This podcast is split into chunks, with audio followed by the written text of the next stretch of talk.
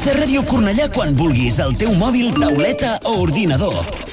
Entra a radiocornellà.cat i se t'obrirà un enllaç per instal·lar al teu dispositiu l'aplicació de Ràdio Cornellà. D'aquesta manera, la tindràs sempre actualitzada.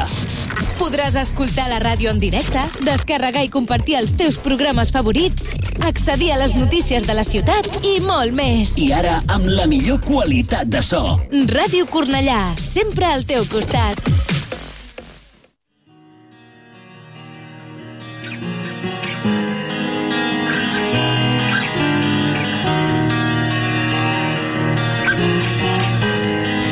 Radio Cornellá comienza el octavo día. Lo mejor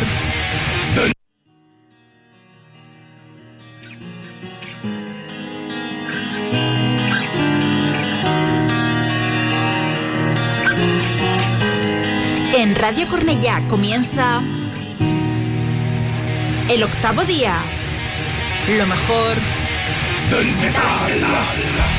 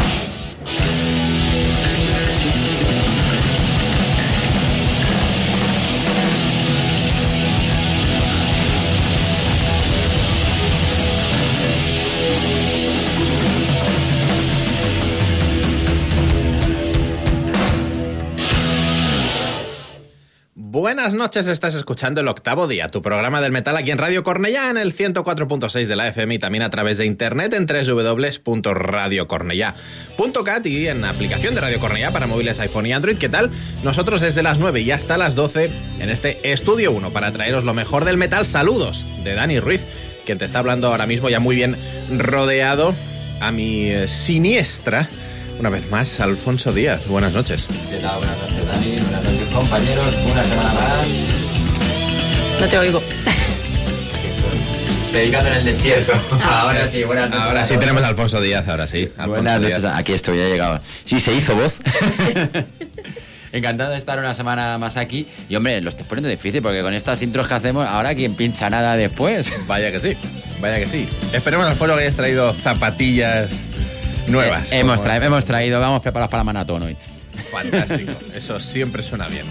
Y a mi diestra, una vez más, con em, colorida a la par que vintage, Exacto. camiseta, Inma Peiro. Buenas noches. Hola, buenas noches. Pues nada, aquí estamos una semanita más para traer luz, color y un poquito de azúcar también, que también está bien eh, mantenernos bien con los niveles de azúcar porque con las acidez que hay en la sociedad hay que contrarrestar un poquito. Celia Cruz meets metal. Hoy no saludamos a nuestra compañera Xenia Sensarri, que desgraciadamente no puede estar aquí en el estudio, a los mandos de la nave una vez más. Y empezando además, de, hablando de cosas vintage, Tony López, buenas noches. Pero, ¿qué es, qué es esto? ¿Qué falta de respeto es esta? Por favor. Sí, soy vintage. Gracias, buenas noches. Bueno, me refería a la canción. pero- Eh, sí, sí, no, y yo también soy una cosa vintage, al igual Tony, que la el canción. vintage es como el vino, con los años. Y la, Es si la cierto, cosecha es es buena, cierto. va mejorando. Además, esta canción está muy relacionada con, con mi historia con el metal porque es prácticamente lo primero que yo escucho de Maiden. Esto, eh, por edad me tocaba eh, Somewhere in Time. Y in Time, Coke Somewhere in Time, el tema que abre y que, que abre ese disco que ha servido para abrir hoy el octavo día, también es el que abre los conciertos de la nueva gira de Iron Maiden que tendremos en Barcelona el próximo 18 de julio en el Palau Sant Jordi y de la que, tras ver el setlist, que tampoco vamos a guardar a nadie si quiere ir a la sorpresa, Lo pueden consultar. Hot Somewhere on Time. mm, Sí, ya te- esa ya te la has comido, pero el resto es un setlist por el cual agradezco profundamente haber cogido la entrada cuando, cuando la, la compré, porque ciertamente van a hacer un repaso más que interesante a este Somewhere in Time, que es sin duda alguna, sin discusión, uno de los mejores discos de la historia de no solo de Iron Maiden, sino incluso del heavy metal.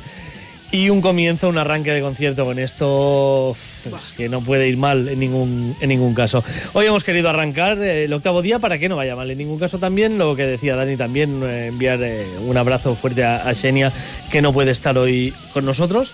Pero aún así la falta te la ponemos igual, Xenia. Eh, dentro de dos semanas te esperamos aquí. Vuelve a ser un octavo día quincenal, ya que la pasada semana por elecciones no estuvimos aquí. La próxima por fiesta mayor de Cornella tampoco. Estaremos aquí dentro de dos semanas y te explicaremos un montón de cosas. Por ejemplo, el festival al que nos vamos Alfonso y servidor eh, en pocos días. Anda. Encima aquí poniendo los dientes largos a los demás. Chúpate esa Eh, sí. Además, eh, aquí al lado. Gentuza. Alguien nos lo tiene que claro. explicar, Inma. Alguien nos lo tiene que Oh, explicar. Eso no podéis ir, alguien nos lo tiene que explicar. Sacrificados del metal los llaman. Total y absolutamente. La penitencia metalera. Los mártires, los mártires Los del metal. Sí, sí. Bueno, eh, viendo la previsión de, de- de tiempo que va a haber la semana que viene por tierras castellanas, igual sí que somos un poco mártires del metal, ¿eh? Porque... Igual nos pilla el diluvio. porque la- la- o sea, hay, una borrasca que se sitúa sobre Portugal que, que nos va a, a matar. Pero bueno, eso hablaremos más adelante de todo esto. De momento, Alfonso nos trae más música y, como siempre, con esa calidad. Pues va a ser que no. No, no, no, no, no, no, no, chavales. No, no, Vamos vengáis a arriba. no me- o sea, ya vas a ir a concierto, encima no quieras empezar el programa. Sí, pero sí, sí, ¿esto empieza. qué es? Pues si lo tengo aquí cargado. Pues yo tengo Como el de. Inma. Bueno, pues eh, nos batiremos Duel- a duelo. Duelo a espada, tío. Venga. Duelo a espada y el que gane, oye, eso pinchamos. No. Un momento. Lo que queráis. Un momento. Sí. Cierro micros.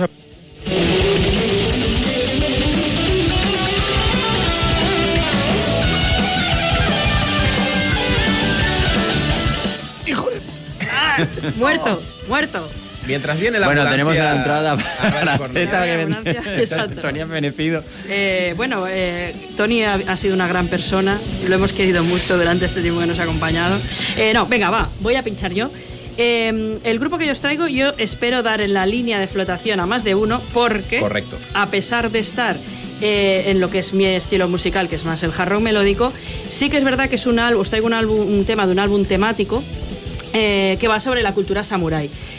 Yo personalmente me parece que es un poco eh, cultura samurái hecha para occidentales, pero como no soy experta porque va a todos los temas, la familia, el honor, la integridad, no sé qué, o sea, me, Claro. me pareció bastante... Perdón, claro, yo solo, solo estoy viendo los, los títulos de los temas. ¿no?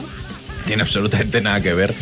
Eh, a lo mejor con el imaginario, Con el imaginario samurái moderno occidental, sí, pero con los samuráis, de verdad. Ahí daría ahí para yo. mucho. Una conversación muy larga. del Sí tema que es verdad samuráis. que el portadista, la persona que se ha encargado de la portada, es japonés.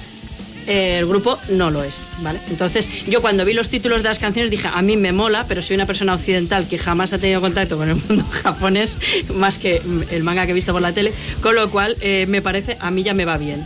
Eh, bueno, pues es el nuevo álbum eh, de... A ver, ahora que me sitúe. Em, Perfect View. Perfect View. Sí, es una banda que es nueva, es, un, álbum, es un primer álbum de la banda y la razón por la que os lo traigo es porque como sabéis que yo soy muy fan de Journey, todo lo que me suena a Journey me, me gusta traerlo, pero la, la ventaja de este grupo es que suena suficientemente cercano a Journey en el timbre de la voz, en los coros y tal, para que te recuerde, pero suficientemente alejado para lo que viene siendo el el trato de las guitarras y las canciones sea diferente. O sea, os va a recordar, es inevitable, no lo, no lo podemos eh, separar, os va a recordar un poquito a Journey, pero no suena a Journey en plan de grupo de versiones de Journey que tantas veces hemos escuchado. Eh, creo que la- el tema que te he dicho es Integrity Correcto. y la banda que os traigo se llama Perfect View. Vamos con ella.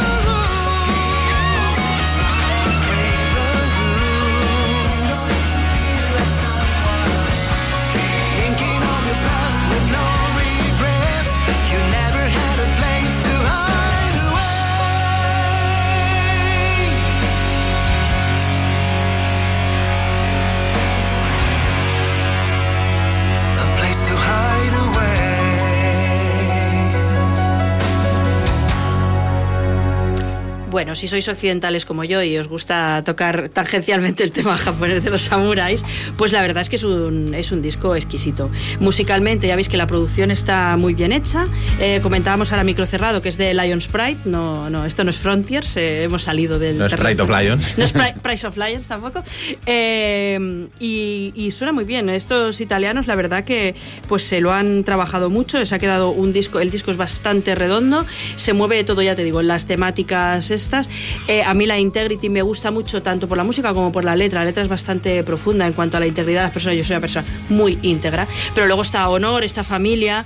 Eh, son todo letras que yo creo que realmente, eh, si lo apartamos del tema de los samuráis, pueden llegar a cualquiera porque son temáticas. y si lo apartamos, si Habrá que Dani que lo aparta directamente.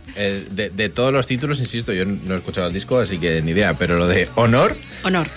El honor. Pero hombre, yo creo que estos son valores que no hace falta ser samurái tampoco No, no, pero para... si, ellos, si ellos han decidido volcarlo a temas de samurai.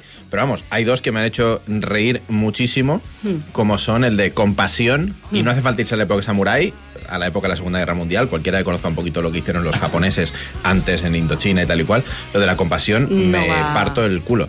Pero lo de la lealtad también.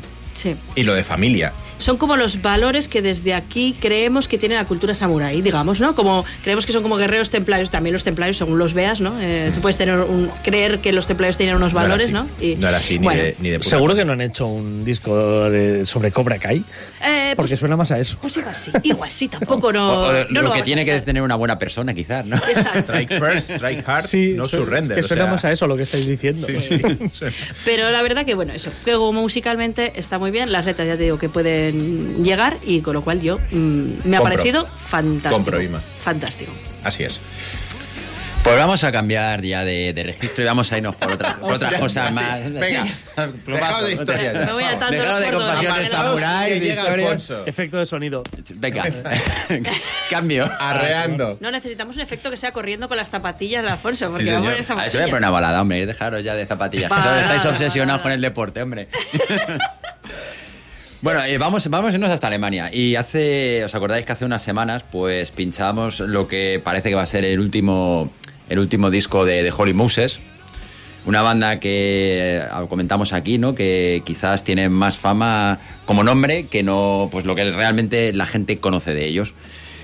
Y pues como parece que Holy Moses lo dejan, yo ya estoy empezando a buscar sustitutos y bandas que podían ocupar ese sitio que van a, que van a dejar.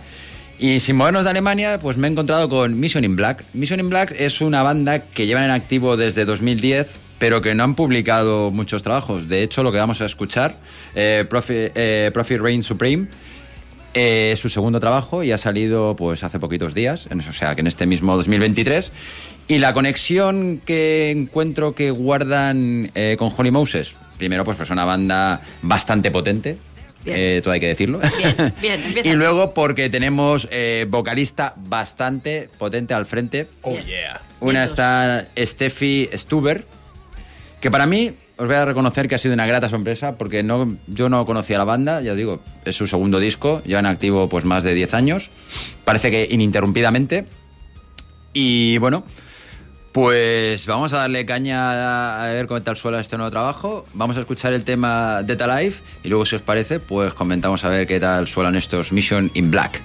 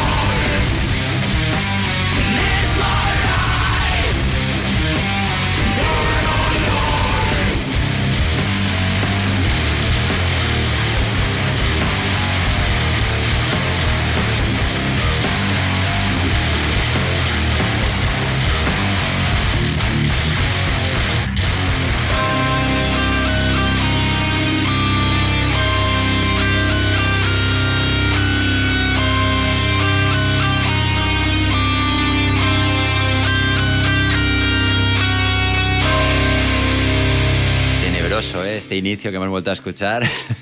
tenebroso casi tanto como la portada de- del álbum, que es cuanto menos inquietante, un encapuchado con la soga ahí. Guau. Pero la en soga el está al cuello. revés. La soga tiene que ir a- Hacia arriba, pero bueno, arriba. es- la tiene ahí Aquí viene puesta. del suelo. Yo lo- el tema de la gravedad no sé si lo llevan tan bien Porque como. está todavía pendiente de colocarla, Tony. Ah, vale, Le vale, hemos vale. pillado a mitad faena. Vale, vale, Debe ser español. Bueno, un disco cuando menos interesante de una banda que yo estoy dispuesto a seguir en la pista, esto es Mission in Black, y me ha llamado la atención pipeando, ¿no? Porque si vas a seguir la pista tienes que saber cuál es su casa. Eh, su casa discográfica, Tony, igual a ti te suena, el Puerto Records. el puerto. El Puerto Records. Me suena, me suena, por supuesto que me suena. Ah, no, pero alema- alemana, Sí. la casa alemana, Sí, sí. que he mirado eh, buceando en su catálogo y lo más así reseñable que he encontrado fue que es, es también ahora mismo la discográfica de los clásicos Necronomicon.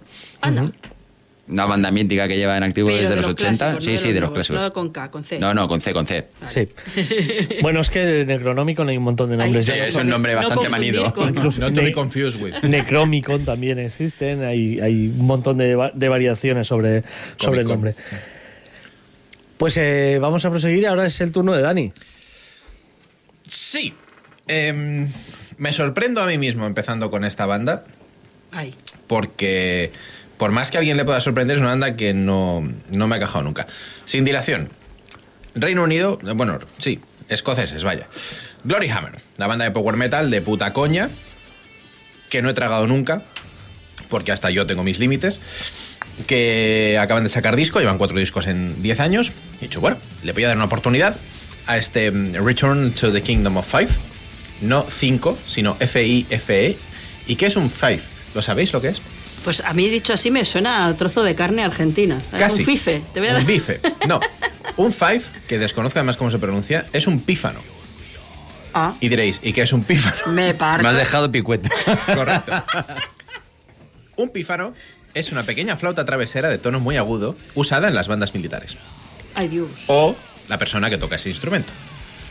Eh, sí, Pues igual es como la de flautín este de la, de la sardana que empieza el tiruriruriru. puede ser. Yo he tenido que buscarlo. ¿Puedo, ¿puedo apuntar algo? Apunte. A ver. Eh, sábado 10 de junio, eh, Copper Stage eh, en Zamora.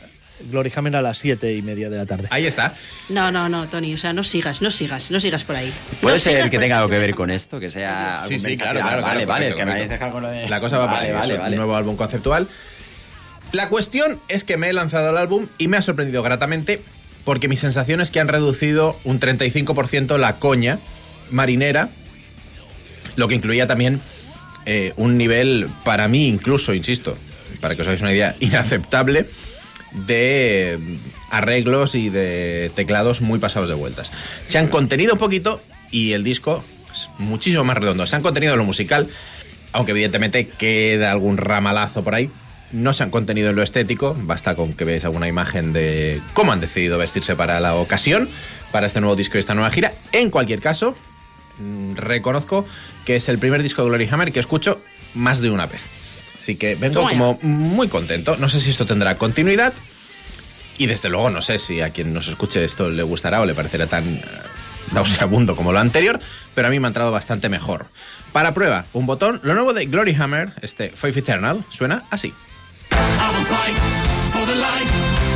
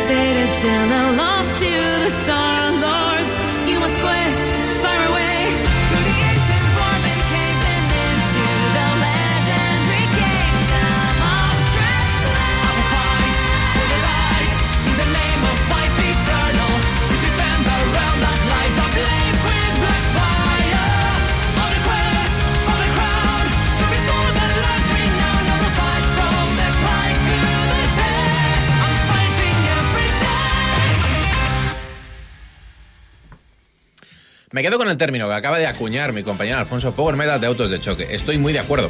Pero un 35 menos, 35% menos de autos de choque, por eso lo he tolerado. Primer, trabajo con nuevo vocalista, imaginaos si me han importado poco esos Glory Hammer, que no, no lo he comentado. Pero, insisto, siguen teniendo temas como el 3, Imperium Dondaxia, que ese sí, Alfonso, ahora lo pondremos a micro cerrado y verás que es para autos de choque, pero autos de choque mal, de feria muy chunga. Pero en general, para los amantes del Power Metal, creo que se pueden asomar con un poquito más de ánimo a ser Return of the Kingdom of Five. En eh, algunas ocasiones, de hecho, con ramalazos bastante bestias de lo que fue la primera época de Sonata Ártica, lo cual me ha congratulado mucho. Y como digo, primer disco de Glory Hammer al que le he dado más de una oportunidad. No sé si le daré tres, pero vaya, me ha gustado más que los anteriores, desde luego.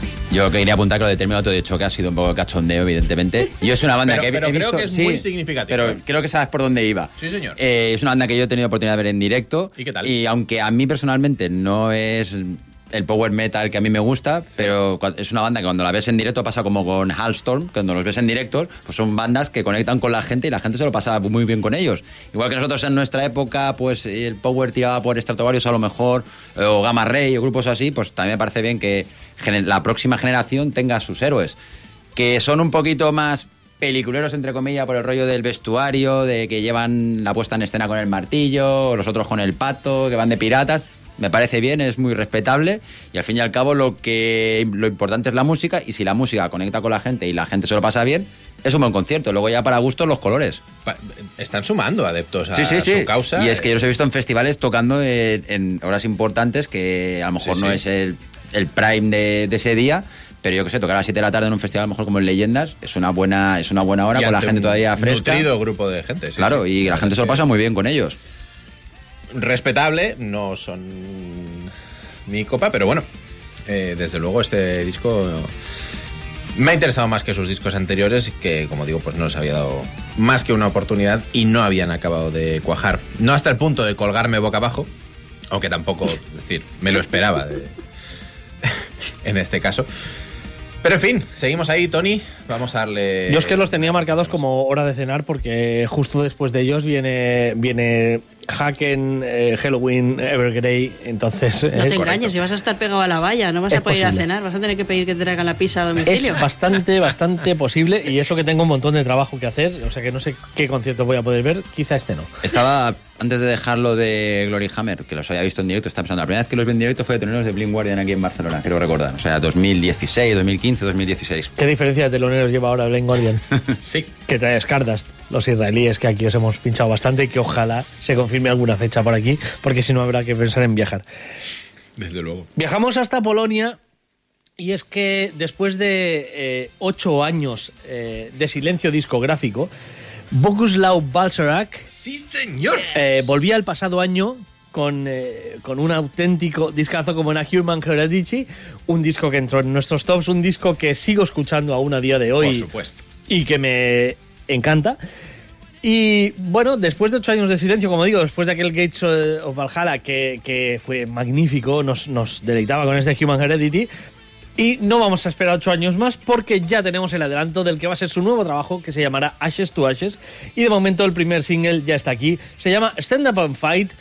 Esto es lo nuevo de Boguslav Balserax Krylord y es un tema que va dedicadísimo directo al centro de flotación de Pepe, nuestro granaíno, granaíno favorito, que es absolutamente fan y no me extraña porque esto es eh, calidad de la grande.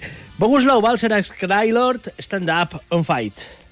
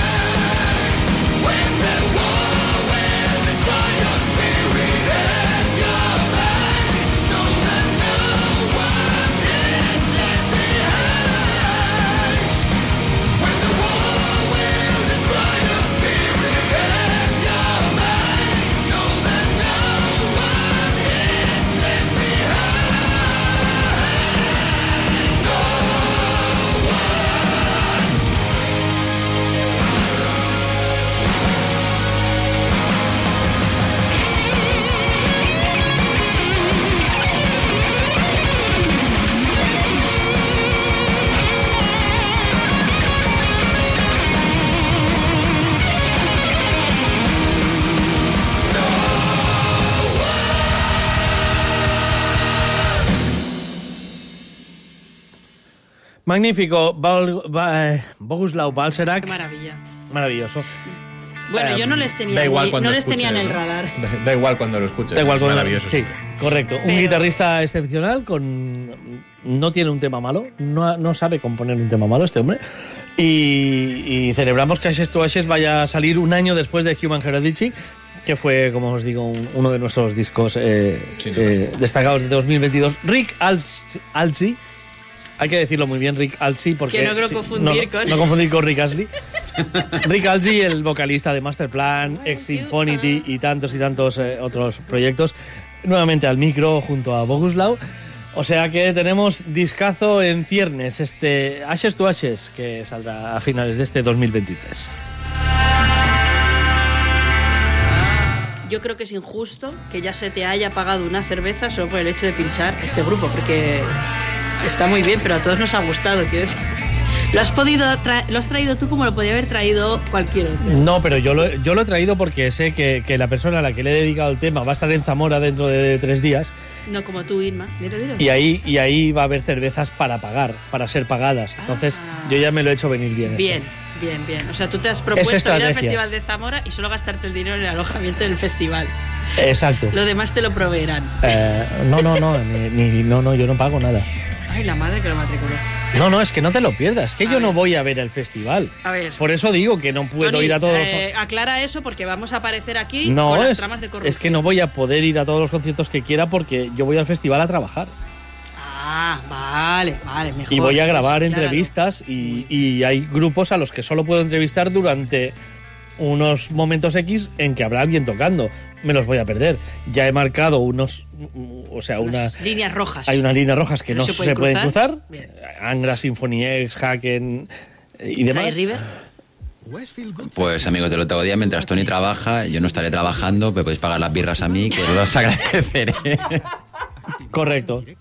¿Le podéis pagar las, las birras a, a Alfonso Alfonso? llevará un poder por escrito de Tony. Eso es, eso De es. manera que será su Yo, yo, yo, representante yo, legal. sí, en la tierra. Fantástico, fantástico. en la tierra de Zamora. No soy ni medio serio. Sí, porque además yo es que ni bebo siquiera. No sé qué dice Pepe de cerveza ni cerveza. Nada, yo solo nada, bebo nada. agua. Agüita Eh, proseguimos, Inma, con más música. Venga, voy. Yo traigo, porque como mm, nos va a pillar la salida del disco de Nita Strauss en verano y no vamos a tener programa, digo, pues déjame que me adelanto. Pero he visto, Haciendo he los visto deberes. aquí un nombre junto al de Nita Strauss que me ha dejado ¿eh? loco. ¿Ay que sí? Locker total. No me lo Muy bien. Pues Nita Strauss, como sabéis, ha hecho su travesía por el desierto. Se fue de. Le pidió un cari cari a Alice Cooper. Necesito que me des tiempo, me des un tiempo para pensármelo. Se fue con Demi Lovato, hicieron una gira que lo petaron. Pero mm, decidió que ese no era el camino a seguir. Creo que lo comentamos por aquí, que dijimos, hostia, pues con Demi Lovato no acaba de pegar, no, sé qué hace con ella, no sé qué. Y dije, bueno, eh, está experimentando, está probando, yo qué sé, pues es una mujer muy inquieta, tío, eh, tiene sus inquietudes musicales y dijo, pues voy a probar. La gira le fue bien, pero cuando acabó la gira le dijo, hasta luego ahí nos vemos, que te vaya muy bien bonita, como los corridos mexicanos, y, se, y volvió con Alice Cooper. Entonces han hecho como una gira warm-up de calentamiento de ahora durante, empezó a final de abril, durante el mes de mayo han estado en Estados Unidos haciendo gira warm-up con Alice Cooper, porque sabemos que Alice Cooper tiene varias giras, tiene la de los monstruos, la de Molly Crew y de Flepper, por un lado, y por otro lado también hace la de Freaks on Parade con Rod Zombie, Ministry y Filter, que siempre digo Flitter y Flitter era un grupo español, no era los Filter, no tiene nada que ver. Eh, La pregunta que nos viene interesando, Inma. ¿Qué? Eh, Kane Roberts. ¿Quién ¿Sigue? Roberts? ¿Kane Roberts sigue con Alice Cooper o al entrar Nita vuelve a salir Kane Eh, Roberts? no tengo ni la más remota idea, pero... Pues están los dos bastante cuadrados, ¿eh? Porque Nita últimamente se había dejado la bebida y se había puesto también al gym a tope. Al nivel de Kane Roberts Hombre, imposible. imposible, evidentemente, pero, se había puesto chica Pues, fitness. Madre mía, está más fuerte que el vinagre. ¿eh? Ah, Bueno, Nita entró a formar parte del programa. Sabéis que Gary Holt eh, hace, creo que dijo el otro día 600 días o algo así, no sé, no me acuerdo qué era, eh, que ha cumplido un, un milestone de estos de dejar de beber alcohol.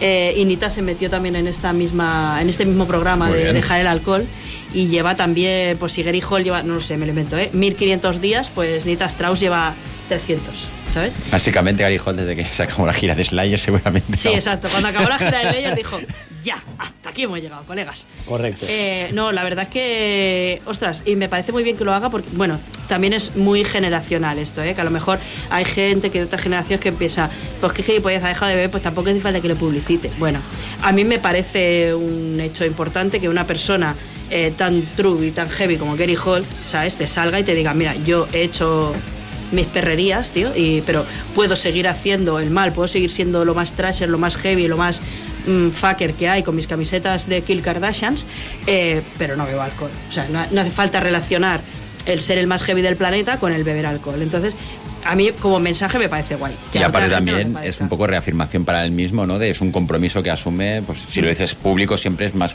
Siempre, o sea, claro, tienes más si te compromiso. retractas claro. luego, eh, haces un Timo Tolkien, ¿no? no, pero bueno. Y Nita Strauss pues también se metió en este programa. Pero total, no hemos venido aquí a hablar de alcoholismo, sino alcoholismos. Hemos venido a hablar de que eh, el primer disco de Nita Strauss a mí me gustó muchísimo. De hecho, tenía eh, un temazo como Our Most Desperate Hour, que es que, me- bueno, yo lo tengo ahí en mis tops que algún día Inma sacarás a la guitarra y tocarás. No, eso es mentira, no lo voy a poder hacer nunca. Pero bueno, yo lo tengo ahí como objetivo. A lo mejor ya cuando me jubile y pueda dedicar ocho horas a tocar la guitarra, igual eh, lo saco, que ya te digo que no porque tampoco tengo el talento, pero bueno, testarudez tengo. Eh, y entonces, la diferencia del disco anterior que sacó en solitario que era todo instrumental, este va a tener colaboraciones vocales. Y entre las colaboraciones vocales, pues eh, tenemos eh, una variedad. Bueno, tenemos a Alice Cooper, por supuesto, eh, aquí el, el- colega siempre tiene que aparecer. Tenemos a Chris Motionless, de Motionless in White que bueno, es un grupo que también es bastante potente, aunque aquí en, en Europa tampoco los tenemos tan ensalzados. Tenemos a Lizzie Hale, también está David Drayman, eh, y luego hay gente que no conozco, como una tal Dorothy, que debe ser alguien muy famoso, pero que no tengo la suerte de conocer. Y también tiene colaboración de Marty Friedman, por ejemplo, que este espero que no cante, espero que toque la guitarra, que sería una delicia. Eh, pero bueno, el tema que os traigo es de una de esas colaboraciones que yo lo escuché y me hizo la cabeza, boom, bomba nuclear, así, os imagináis las setas subiendo para arriba, porque me pilló totalmente desprevenida. Estas cosas de las redes sociales, yo estaba viendo vídeos en YouTube y los tenía puestos mientras trabajaba y YouTube decidió ponerme este videoclip de Nita Strauss. Y nada, pues yo os lo comparto y luego ya cuando pase la canción decimos a ver quién canta. El tema de Nita Strauss se llama The Golden Trail.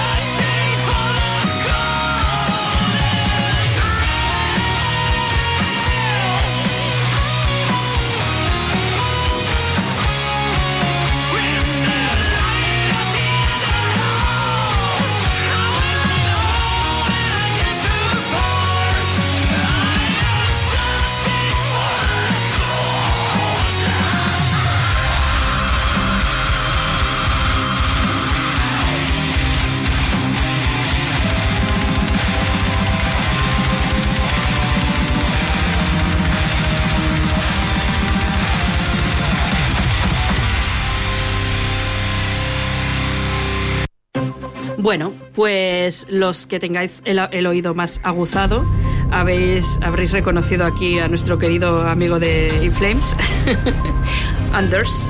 Em, se me había olvidado decir que también tiene otro tema con Alisa, que fue uno de los. Alisa de fue White uno de los primeros que sacaron.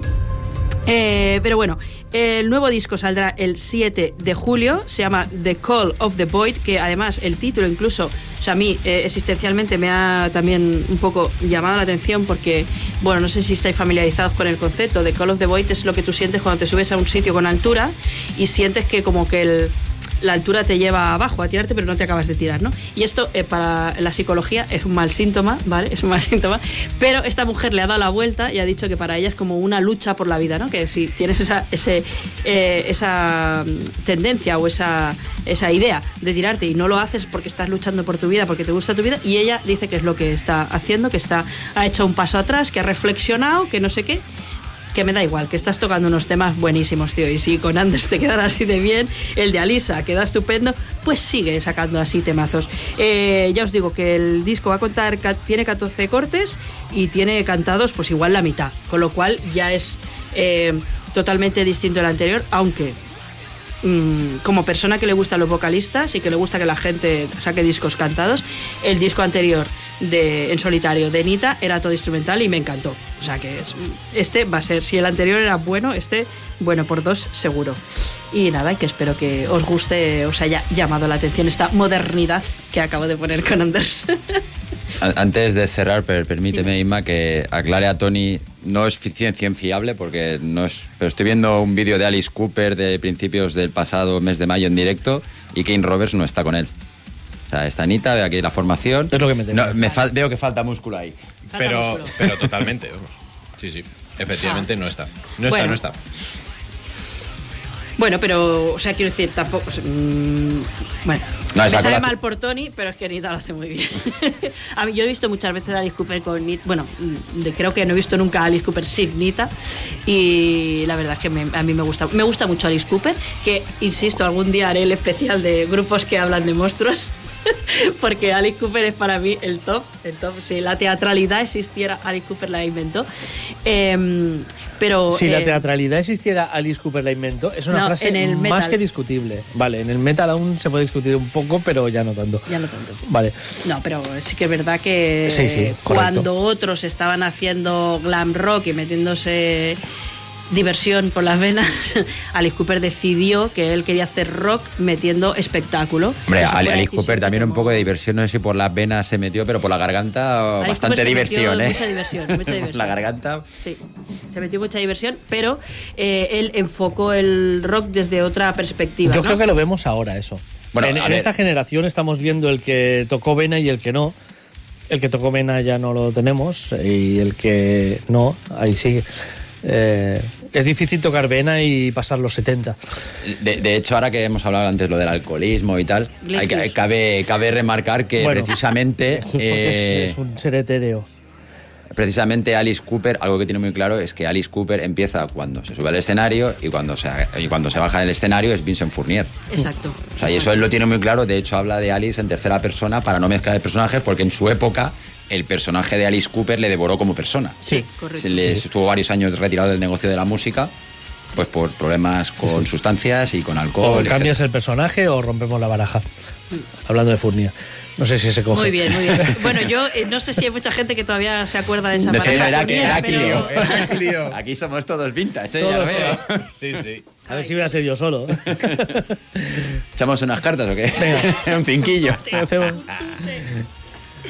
Ahí lo dejo, no puedo superar ese comentario. Bueno, pues vamos a seguir con otro. Estamos con una guitarrista ilustre y reputada y vamos a ir con otro músico ilustre, reputado, que seguro que toda nuestra audiencia conoce, que gran parte de nuestra audiencia habrá visto en directo en más de una ocasión. Pero no vamos a hablar de un guitarrista, no de un vocalista, sino de un bajista. Ahora sale el meme de Tony de eh, bajista, le importa a nadie, ¿no? Como en aquello que me dijiste el otro día. No, yo no digo Canciones, nada. canciones compuestas por un bajista no le importan a nadie, como era aquello. Cuando Winger. no, sigue, sigue, Alfonso, perdón. eh, Ha sido una. Bueno, pues vamos a hablar de, de un señor, como digo, yo creo que todos conoceréis, que es Dave- David Ellefson. Eh, bajista clásico y yo creo que el que más tiempo ha estado junto a Dave Mustaine en, en Megadeth. Y pues que tras aquella salida que estamos comentando aquí, un tanto, bueno, peculiar del seno de, de la formación, por segunda vez, porque era la segunda vez que abandonaba ya la banda. Primero era miembro, ya esta vez era ya asalariado, pero también se fue fuera. Pues eh, inicia su nuevo proyecto que se llama Diet. Eh, salió el pasado 2 de junio su debut, To Hell and Back. No es una canción de, de Sabaton. Visto Te iba a decir, ¿eh? ¿Has visto aquella mueca rara? No, va por ahí, no, no va por cosas de Sabaton. No tiene nada que ver. Sino que es un estilo bastante más cañero. El disco sale o ha salido ya por Nepal Records. Y bueno, y en este nuevo proyecto de Dave Selson, pues le encontramos que viene acompañado por el batería Michal Lisejko y por el guitarrista y vocalista Guillermo Miranda.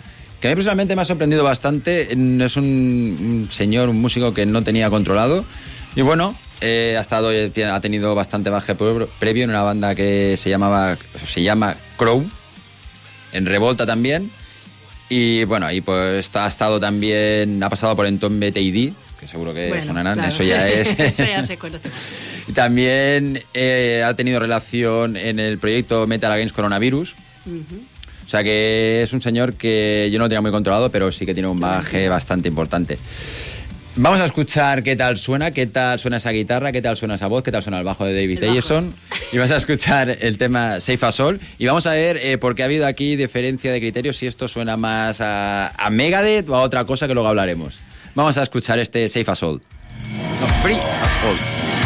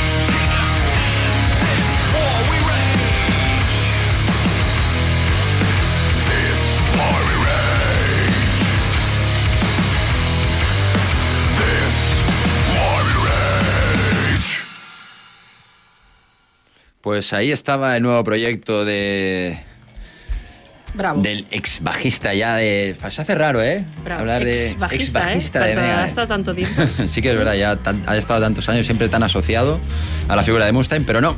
Aquí los tenemos en estos Diet y bueno, a mí, lo que hablábamos antes, a mí más que a, a los clásicos Megadeth, casi que me sonaba más eh, a Soundfly, eh, por, por momentos, ¿no? Cosa que tampoco es tan descabellada porque recordemos que estuvo un breve periodo de tiempo pues tocando con Max Cavalera eh, precisamente en Soulfly. Si es un rollo así más 2000ero, más con unos riffs eh, pausados, ¿no? Con luego unas eh, melodías de guitarra dobladas así un poco eh, random que, bueno, temas más oscuros y luego hacen esas melodías, luego meten un poquito de un trocito trash. No sé, sí, no, a Megadeth desde luego no, no suena mucho. Pero el- eh, a mí el disco me ha gustado bastante, ¿eh? La verdad que a pesar de no... Bueno, a pesar o no sin a pesar, porque yo soy fan de Soulfly. Entonces, no puedo decir a pesar de no sonar a Megadeth. No, me ha parecido un disco bastante que suena muy mucho. bien, ¿no? Se Muy contundente, está muy bien. Sí, pero yo la verdad que sí que albergaba esperanzas, ¿no? De recuperar un poquito lo que era, pues, la esencia de, de los Megadeth, que a mí personalmente también es la- de los Megadeth que más me gustan, ¿no? Que es quizás la época de finales de los 80 y muy primeros 90. Pero no, parece que no. Y no sé, quizás este toque a Soulfly puede ser porque el guitarrista y, vocalista, Guillermo Miranda, es brasileño. A lo mejor también tiene eso algo que ver en, en la personalidad Y que es- Cavalera es más estadounidense que brasileño, tío. Lleva más años en Bueno, pero, Brasil. pero que la Sepultura, está, claro, está ahí, evidentemente. Seguramente No. será uno de sus ídolos. A ver, yo creo como persona que pasó su adolescencia a los 90 que este estilo me gusta mucho, pero tampoco sé cuánta gente está a favor de este estilo en este momento. No sé si han visto muy bien el marketing, si se lo han mirado muy bien. No sé si lo han hecho por cosa de marketing. Creo que hoy en día este estilo eh, está en el momento de impasse. ¿Sabéis cuando, o sea, yo cuando entré en el metal, digamos que un día lo comentábamos, el día de que hablábamos de Machine Head con David, que también estaba por aquí, el primer disco de Machine Head creo que era que comentábamos, no me acuerdo. Eh, claro, yo cuando entré en- así de lleno en el metal, se despreciaba la década anterior que eran los 80. ¿vale? Entonces, los 80, luego en los 90 se despreció, en los 2000 se quedó en... eh, la música de los 80 se quedó en- como en un frigorífico. Y luego en los 2010 se rescató. Yo creo que la música eh, de este estilo ahora está en el frigorífico. O sea, pueden haber grupos que la hagan, pero no es mm, todavía no ha pasado suficiente tiempo como para que haya gente que la quiera rescatar y la gente a la que le gusta ahora está por otras cosas. También te digo, yo creo que esto había que ponerlo en perspectiva y quizás hacerse la pregunta de si este disco lo han hecho mirando en el, al mercado americano, que a lo mejor puede tener más acogida este tipo de, este tipo de sonido, o al mercado europeo. Yo, la verdad, mirando los carteles que estoy viendo de los festivales americanos, yo podría encajar en muchos de ellos. Eh, si tuviera mucho dinero y poco trabajo, mm, estaría en varios de ellos. Y este no sería. Ahora el mercado americano tiene otro está con otro rollo. Un rollo más melódico que mezcla más la melodía con voces rasgadas y guturales. Esto no, no lo veo, no lo veo. Pero bueno, oye, que a mí me ha encantado el disco, o sea que es que no le voy a poner ninguna pega. Yo por mí que haga eh, 30 discos más así, porque a mí ya te digo que como fan de Soulfly, este, este estilo me gusta mucho. En cualquier caso, creo, tendría que mirar, revisar carteles, pero creo que este año a los festivales de verano, por lo menos aquí en Europa, creo que no, creo, eh, que no llegan. Bueno, lo que puedo hacer es cuando acabe, pase el resu, cuando hacen el con- esto de las bandas que quieres pedir para el año que viene, yo lo pido. y ya, ahí ya lo tenemos. De entrada pedido, ya está. Y luego ya, si lo quieren traer, que lo traigan. Y si no, que lo traigan de giras y un... Ahí estará ahí ma- en primera fila, sea donde sea. yo sola allí. Y ya está, con mi camiseta de Megadeth. y me cortarán el cuello y ya está. Y nos lo pasaremos todos muy bien porque salpicará sangre por todas partes a un gran show. ¿Y tocará temas de Megadeth? ¿Tú crees? No, yo creo que no. ¿Tú crees que Mustaine le deja? Hombre, yo creo que algún crédito tiene en algún tema, ¿eh? Más de uno. O sea que Sí. tendría Ya no es legitimidad para que- hacerlo, ¿eh? Ya no es que le deje o no, es que puede. Bueno, eh, puede si el otro no viene y le pega un catanazo, quiero decir. no, no sé, no sé. Yo- tú, eh, ¿A Mustaine lo veis como tan eh, laxo como para dejar que otra gente. Bueno, toque Mustaine este- lleva 40 años dejando que otra gente toque eh, temas suyos. Ya. Eh, llamándole también. eso, Mechanics, eh, o sea, sí, sí. Sí, es verdad. Vale, no he dicho nada. Hay gente se ha hecho multimillonario tocando temas de Mustaine. Sí, ciertamente. Entonces, No he dicho nada. Vámonos hablando un poquito del mercado americano a Gran Bretaña. Porque, bien, o sea, la frase yo no la entiendo Escocia, mucho. ahora Gran Bretaña. claro, Hablando del mercado americano, Gran Bretaña. Sí, por eso, Bien, por- vale, bien. cambio. Es decir, Vale, vale. en, eh, nos vamos a un trabajo es que ha salido hace un par de semanas, que no pusimos la semana pasada, porque estábamos haciendo cosas muy tochas, como elegir alcalde y todo eso, pero es que el, el bueno de Richie Faulkner se ha sacado un grupito de la manga con tres colegas llamado Elegant Weapons, según él mismo, para hacer las delicias de los fans eh, del heavy metal más clásico Around the World y más Sí. haciendo que sí con la cabeza, no sé si ha hecho sus delicias o no. Muchas, Eh. muchas. Me ha hecho muchas delicias. Lo que pasa es que no pensaba que tendrías los auriculares de traerlos aquí, pero claro, como no ha venido Senia, se aprovecha, pájaro. No sé por qué. bueno, No sé por nada, qué. nada, tú pincha y ya veremos. Bueno, pues eh, yo pincho. Eh, tengo que reconocer que lo escuché a ciegas, no sabía que era la, la banda de Richard Faulkner, de Richard Faulkner, que por cierto parece ser, según he estado leyendo, que tuvo la epifanía eh, mientras estaba sometido a 10 horas de cirugía porque su arteria aorta, por lo que sea, Bueno, por decidió tema. reventar en medio de un concierto, bueno, al final de un concierto, mejor dicho. También hay que decir que está Rex de Pantera, ¿vale? O sea, tú lo escuchaste por Faulkner, yo lo escuché por Rex. Venga. Me enteré a posteriori. Seguimos. Pero me enteré inmediatamente de quién es el vocalista. ¡Oh, sorpresa! Elegant Weapons, eh, para esta presentación elegí el tema número 2, Do or Die.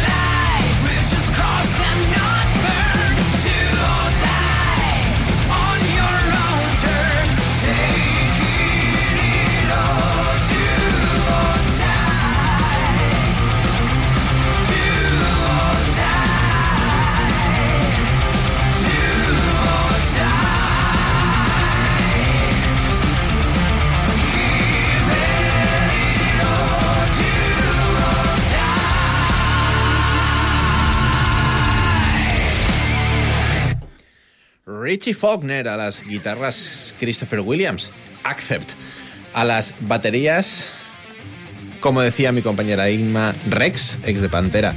Grabó el bajo, no va a estar con la banda, va a estar Dave Rimmer de Uriah Heep.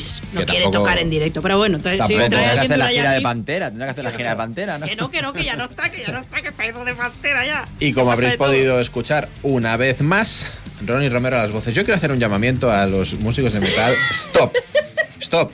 Stop de poner cebolla caramelizada en todas las tapas. Stop. Ya está. Ah, Estuvo bien, y, pero ya. Mira, yo tengo una buena noticia para ti, Dani. Venga. Que en el nuevo de Vandenberg no canta Ronnie Romero, canta Max Leven. Por suerte. Por suerte. Otro que no canta en ningún proyecto tampoco. Me decías, que a ti te ha A mí me ha congratulado el, mucho. el trabajo. Me ha gustado mucho. Solo hay una faltita que le saco, eh, pero es de tema personal mío, porque a mí UFO me gusta mucho. Es un grupo que me gusta mucho. Todos sabéis que soy muy setentera. UFO me gusta mucho. Y hay un tema que se Aparte llama que Lights UFO Out. Aparte que UFO es el grupo que pone Iron Maiden antes de salir, que es la canción favorita de mi marido. Doctor Doctor, Eh, Pero UFO es un grupo que me gusta mucho y he tocado muchas canciones de con la guitarra y sé por experiencia en mis carnes que hacer versiones de UFO nunca quedan bien, tío. Nunca quedan bien. Y el Lights Out que se cascan esta gente queda muy mal. O sea, no hagáis versiones de UFO. Señores, señoras, músicos, músicas, no hagáis versiones de UFO. Dejadlo ya. O sea, poneros el disco, compraros el disco, compraros camisetas, com- ir a los conciertos que todavía tocan dos o tres veces al año. No hagáis versiones. Dejadlo ya. No vale la pena. Va a quedar mal siempre. Y punto. Y punto. Elegant Weapons, este Horns for a Hello, disco debut, me parece una muy buena propuesta. Muy chula. De Hard Rock Heavy. Yo me, Me- vais, me vais a perdón, perdón Sí, Tony. sí, sí. Es que hoy pare- parezco la doña Rogelia aquí eh, haciendo La apuntes. tacañona, la Eh, sí, estoy fuerza. viendo un concierto del 27 del 5 de Pantera. Vale que está la, la imagen no es muy buena, está tomado desde el público desde muy lejos, pero aquí está Rex ¿Ha Brown, un tío que se claro, es que yo no hizo hizo los dos o tres primeros conciertos, tuvo un problema, buscaron un sustituto y luego cuando ha vuelto la gira otra vez a reactivarse, volvía él otra vez a la banda. Claro. Hostia, pues yo tenía porque. Pues no, es cuando lo te he visto muy segura. excusa.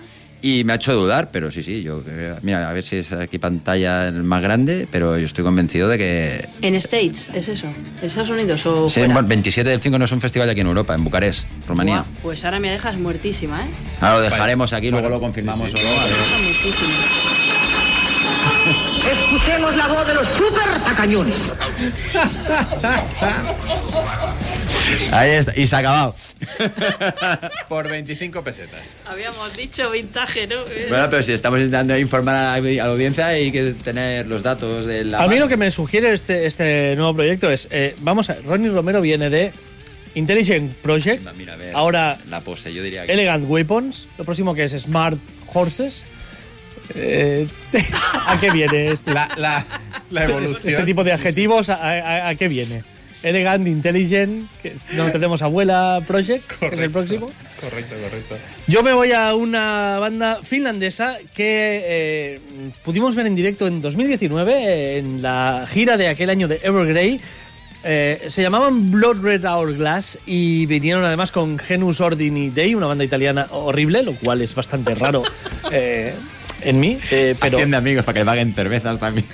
Sí, sí, no, no, además. Pensé que iba a decir unos teloneros excelentes. Además, ¿no? muy motivados, muy motivados, además con lo suyo y tal, me dieron de todo, me dijeron tal, me, me- me mm, o sea, me, me invitaron a comprar el disco, les dije, no me, invitaron a habéis... comprar el disco. Sí, sí, sí, en serio, en serio, estoy hablando con el cantante, me dijo, ah, podías comprar el disco y, tal, y le dije, es que no me, No habéis, no me habéis gustado tanto como para compraros el disco.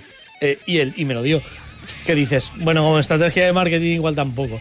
Eh, los que sí me gustaron mucho fueron Blood Red Hourglass, eh, que hicieron un gran concierto y que en 2021 pues eh, eh, sacaron un, nuevo disco, un disco compuesto durante la pandemia y, la verdad es que muy disfrutable, que, que os pinchamos aquí en su momento, Your Highness.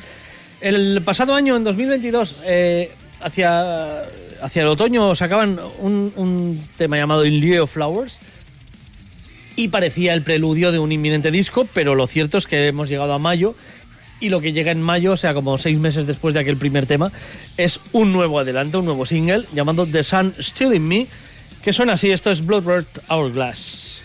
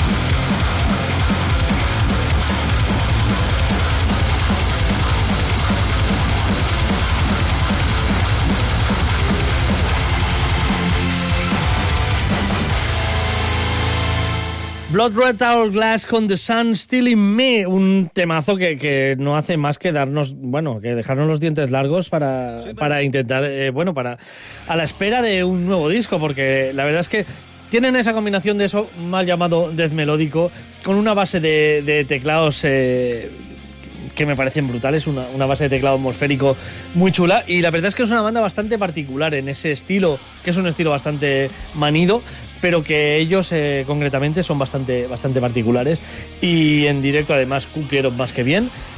Una banda a seguir, Blood Red Hourglass y, y más con temazos como este de Soul Still in Me que, que queremos ya disco otra. ¿De dónde has dicho que era. Antoni? Finlandia. Finlandia. Vamos a tener que hacer carátula, aparte de malditos suecos, malditos fineses en algún Eh, momento es también posible, ya, ¿eh? es Ya posible. empieza a hacerse patente, aparte de la de malditos canadienses, malditos griegos. eh, Sí. Brasileños, bueno. es Odia la humanidad, ¿no? De hecho, creo que nunca más girarán con Evergrey, que también son compatriotas y tal, porque se los comieron vivos. Claro, no, tiene- no tengo un gran recuerdo de aquel concierto de Evergrey, que no sonaron demasiado bien y en cambio Blood Red sonaron de lujo. Bueno, a, a- a mí en lo que has puesto ahora me ha gustado mucho, la verdad. No, Es- no recuerdo haberlo visto con Everglade, pero esto me ha gustado mucho. No estuviste aquel día. o llegaste tarde. Seguramente. Es lo, es lo malo que tengo. Eh, venga, pues cambio de tercio totalmente. Yo me voy con una banda que ha vuelto, una banda... eh, sé que os gusta que os explique historias de, de bandas de antaño. Yo vengo a eso. Eh, especialmente cuando digo hasta luego, Mari Carmen. Es que me, me acabo de acordar cuando dijo Bri. Eh, Inma explica tal y dice hasta luego, Mari Carmen. Pues sí, digo hasta luego, Mari Carmen, porque hay bandas pobrecitas que lo pasan mal. Esta, vengo a hablaros de Heaven's Age, una banda que pues lo pasó mal. Porque eh, si está bien nacer en el momento adecuado, en el, mo- en el lugar adecuado, pues hay gente que nace en el momento equivocado, en el lugar en el tiempo equivocado. Fantástico. Y fue el caso de Heaven Sage. Heaven Sage era una banda que tenía todos los mimbres para ser una gran banda de glam, de sleazy, para comérselo todo. Estados Unidos, Filadelfia, mm, gente con mucho descaro, con mucha capacidad compositiva, guitarrista Ricky Wu, vocalista Mark Evans, muy descarados, muy, muy buenas letras, divertidas, buenos riffs, pero su problema es que se fundaron en el 87, en Filadelfia. ¿Qué pasó? Pues que, bueno, sacaron un muy buen trabajo en el 90, un trabajo debut eh, espectacular. Eh, pues eh, es que además, eh, bueno, eh, hubo un tema que nos pusieron por activa y por pasiva en MTV y en todas partes, un videoclip que se llamaba Skin to Skin, que vamos, eh, lo reventó. Eh, además, ese primer disco estuvo producido por Neil Kernon, que es conocido por haber producido discazos de Dokken, de Queen Reich y de Judas Priest. O sea Es, que es eh, que. ¿Ese primer disco es Some Other Place, Some Other Time o no? Eh, no, ese fue el, el- ya Vale. la, la caída. Es que, es que ese es el que me engañaron a mí. Yo no los Ese conocía. te engañaron. Es que tuve la portada de Some Other Place, Some Other Time, el nombre Heaven's Age, la portada y demás, y en esa época y dices, esto es prog, me lo compro a ciegas. Mm. Creo que lo estrellé contra no sé, no sé dónde. Y ahora te voy a... No lo tengo. Vas a saber por qué lo estrellaste. Yo te lo voy a explicar. Gracias. Ese era el segundo. El primero, os digo, 90 o el 92 eh, salió, ¿vale? Entonces, no, en el 90 salió. Entonces, la compañía, que ve que la banda pues tiene potencial, que eh, estamos viniendo de los 80, ¿eh? Donde las bandas como Molly Crew tal, lo están petando y esta es una banda que es de ese rollo. Eh, venga, No lo parecía por la portada del segundo disco. Bien, bien visto, bien, bien avispado. Estuviste avispado sí. porque te explico lo que pasó. Ellos tenían que sacar un segundo disco en el 92. Entonces se pueden grabar también con este señor, con el señor Kernon. Se pueden grabar el disco, tal, tal. Bueno, y empiezan a tener problemillas. Porque las eh, preferencias de las compañías empiezan a mirarse en otros estilos. Pasa el 92, eh, recordemos eh, pelotazo de Nirvana en el 92, 93, 94, los aires musicales se van para otro lado, las compañías grandes como la que estaban ellos mm, deciden que invertir en grupos que hacen un estilo tan minoritario igual no les interesa, que prefieren invertir en otros tipos de bandas, no sé qué. Total, que se va retrasando, retrasando, retrasando, graban un par o tres de temas y se retrasa hasta el 98 la salida de Some Other Place, Some Other Time. ¿Qué pasó? La mitad de los temas estaban compuestos en el 92 y grabados con Kernon, la mitad de los temas estaban compuestos en el 98 y grabados por otro señor fue un pupurri que no convenció a Tony porque a él le gustaba el progresivo, pero también os digo que a la gente que le gustaba esta banda tampoco convenció y a fecha de hoy ninguna, ninguna persona que le guste Heaven's Age se compra ese disco. Por favor, si tenéis a mano eh, el smartphone, un, un ordenador, lo que sea, cualquier cosa, buscad la portada de, de Son Modo Time y decidme si en el año 98 ese disco no es 100% un disco de metal progresivo. De metal progresivo. Es un engaño, una estafa y Fue una estafa, acabó, acabó donde, eh, ya te digo, se merece un contra el gif del hemos sido engañados. Hemos sido totalmente Hemos sido engañados, engañados. totalmente. Sí, sí, tiré ahí. Bueno, debo decir en mi defensa, bueno, en mi defensa no, pero debo decir eh, en el- un poco en descargo que lo pillé de una pila de ofertas. Bien. No fueron las 1500 pelas que valía el CD entonces, fue, no sé, 500 igual fueron o- 500 o 600 o algo así, pero bueno, que aún así tiradas a la basura. Pues tuvo mala suerte, la verdad, porque la banda es que de verdad estaba súper bien montada. Luego tuvieron más mala suerte. Eh, hicieron una actuación, ellos fueron, habían siempre adorado a Dio, fueron teloneros de Dio en Filadelfia y cuando estaban preparando el concierto, eh, bueno, estaban eh, eh, sonorizando, pues vino un tipo que habían echado del bar donde iban a tocar y volvió y le pegó dos tiros, o sea, pegó dos tiros a... Entró en el bar, ab- le abrieron la puerta y pensó que le pegaba dos tiros al dueño y le pegó dos tiros al bajista de la banda. Joder. Con lo cual, eh, no, el, bajista no murió en ese momento, murió después de cáncer, pero, eh, o sea, es una banda que ha tenido muy mala suerte, ¿vale? Pon el efecto de la Pepe Gafes. Qué mala suerte, Qué mala suerte. La historia es tristísima, la verdad. Te lo sí, sí. juro, Alfonso, que tenía apuntado aquí en el guion para los vintage, acordaros de Pepe Gáfez. Tío, te lo juro, lo tengo apuntado en el guion. Qué fuerte. Pues sí, sí, es, es la, la banda con más mala suerte del planeta. O sea, esta banda sale hace dos años con Frontiers y lo peta, pero tuvieron la mala suerte que nacieron. En el 90 grabaron su discazo que fue descomunal, en el 92 tenía que salir segundo, no salió por problemas varios. Mm, digamos que también llevaban un poco la vida de las bandas de ese estilo. Total. mala suerte! Qué cabrón. pues eso, así, pobrecitos. Total, el bajista se murió, tal, tal, pero como yo soy la madre de pasteles, vengo a traeros un rayo de luz.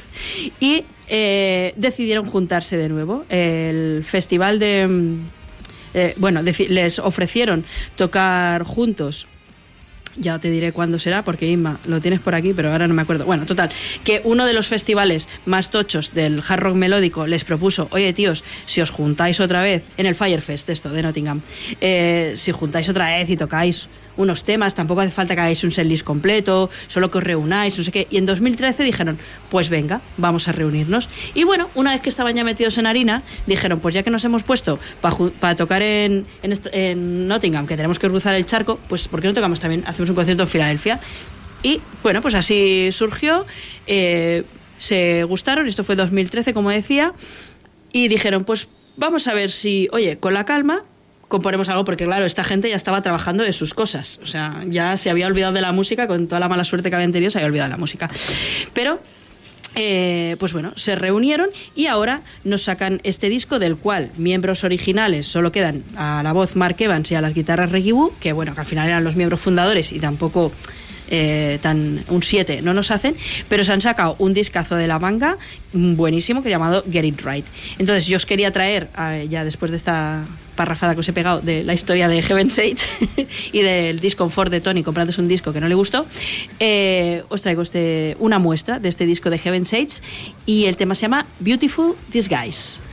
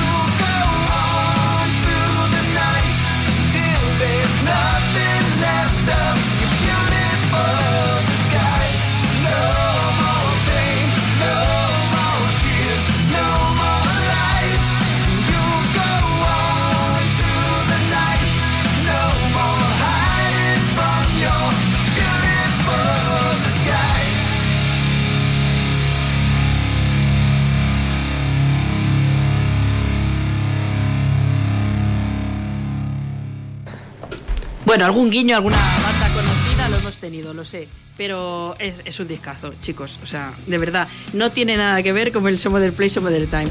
Que también, si eh, estás atento al título, ya significaba que ellos estaban fuera de lugar cuando sacaron ese disco. Este, de verdad, lo ha cogido el rebote Frontiers y lo ha cogido muy bien, sinceramente. Pero es que atentos. igual, igual el of the Time, of the Place, igual está bien.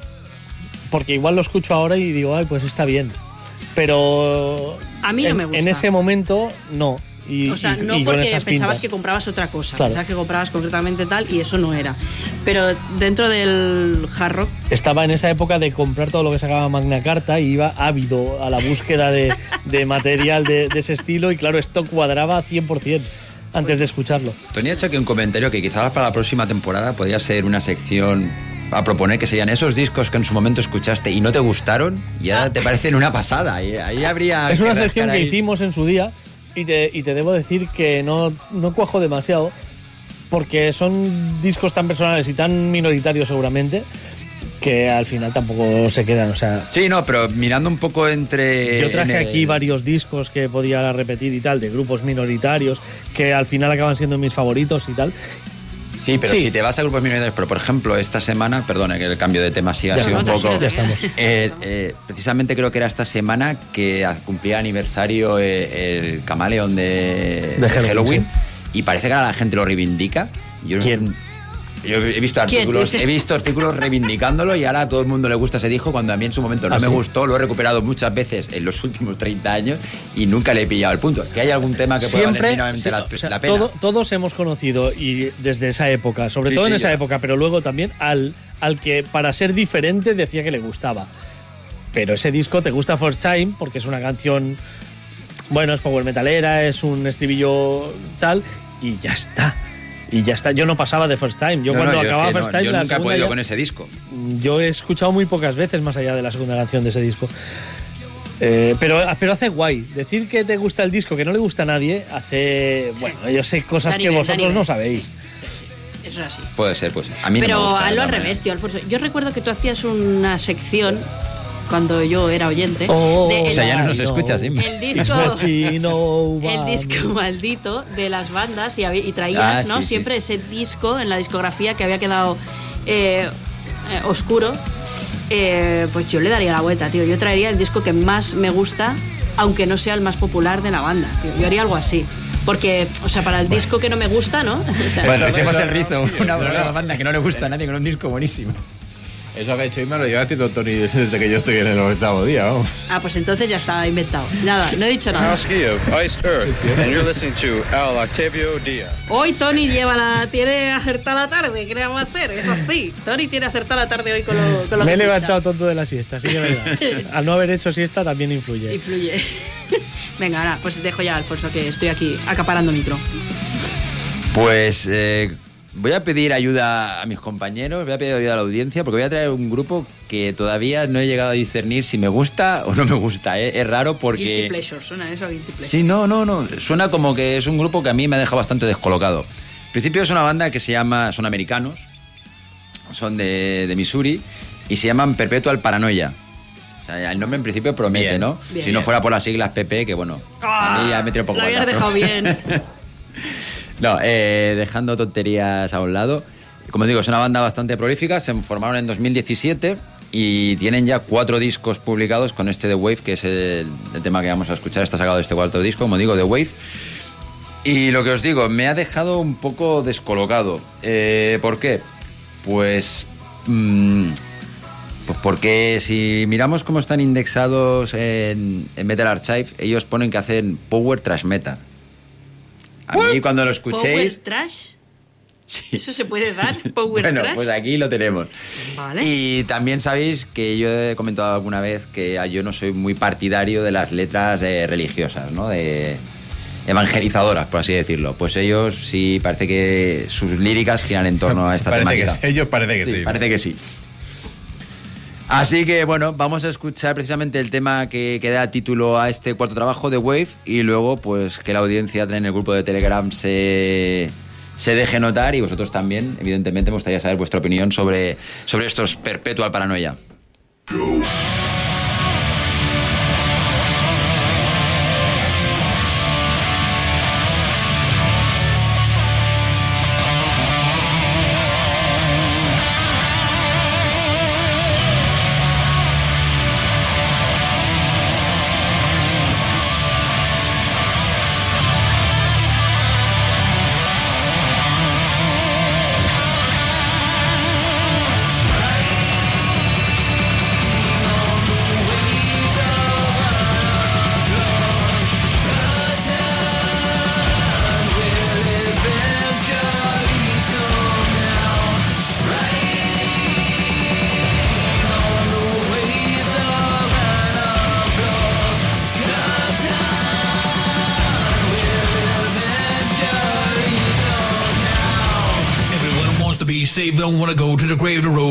With blood and love, the tears dispelling all fear, and dwelling is near.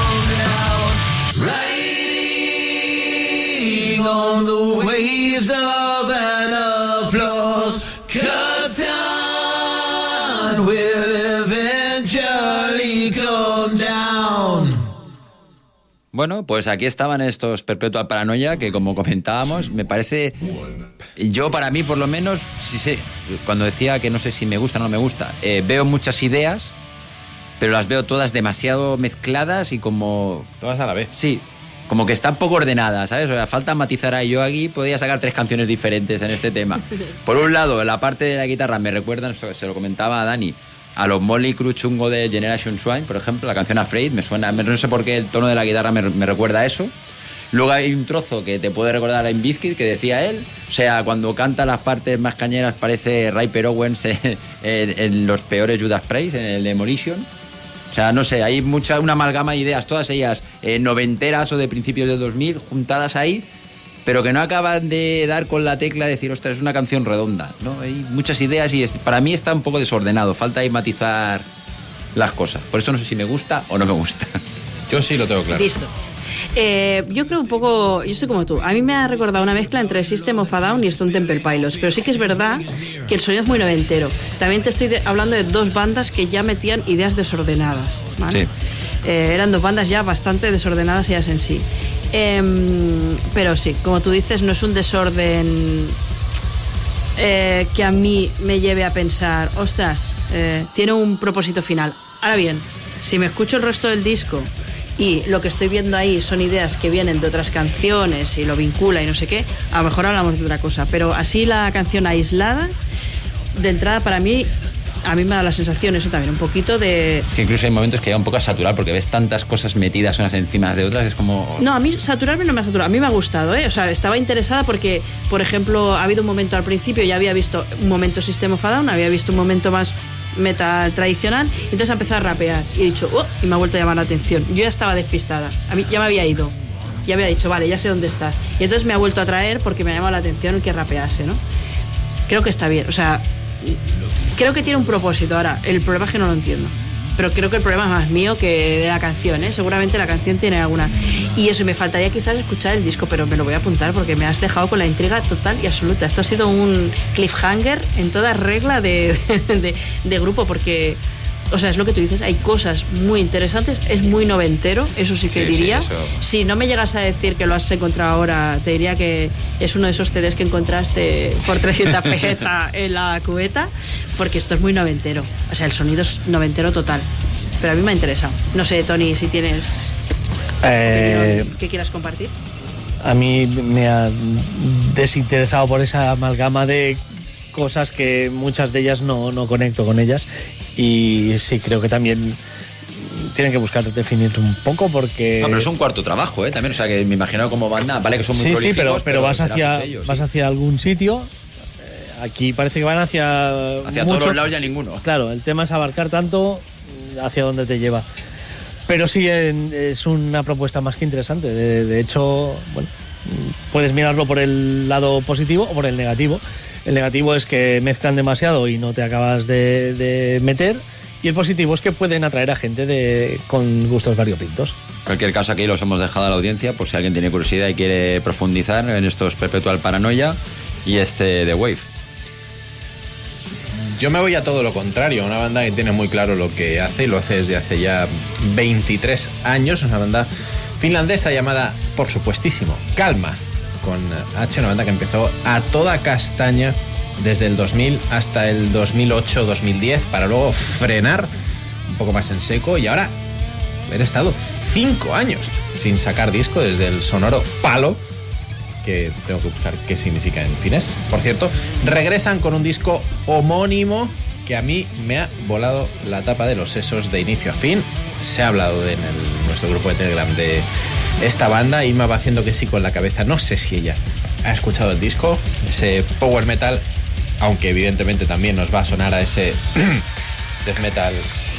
Death melódico sí sí dilo. Correcto.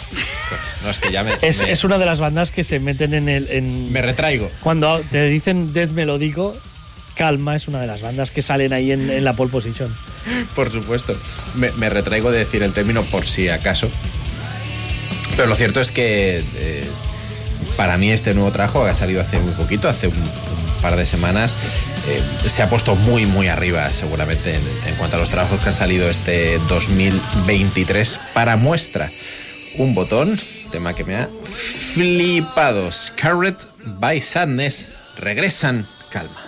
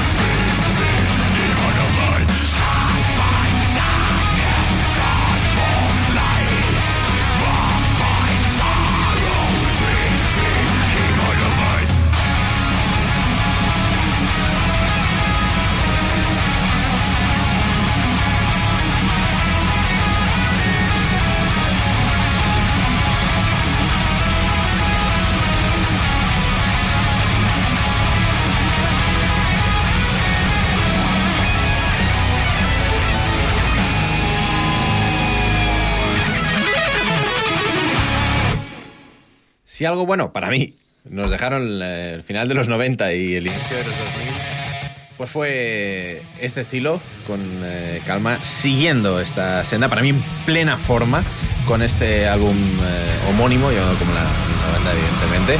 Y más antes decía que sí, con la cabeza se ha hablado del- de esta banda en, Sí, en el sí, sí, grupo. a mí es un disco que me ha Es encantado de principio a fin. Me Parece súper sólido. Y es verdad que es un estilo que a día de hoy puede sonar un pelín incluso anacrónico, porque ya no se lleva tanto, que se aleja un poquito de la parte folk que han cogido muchas bandas que empezaron con este estilo, o sea, se, se mantienen ahí un poquito en, eh, en esa estela, para mí uniendo a la perfección la agresividad y la melodía, que tanto me gusta, y con esa voz Está en el thin line, ¿no? Porque tiene ese tonadilla Claro. folk, pero no hace folk. no hacen folk, Tiene no son, en, no son en tonillo.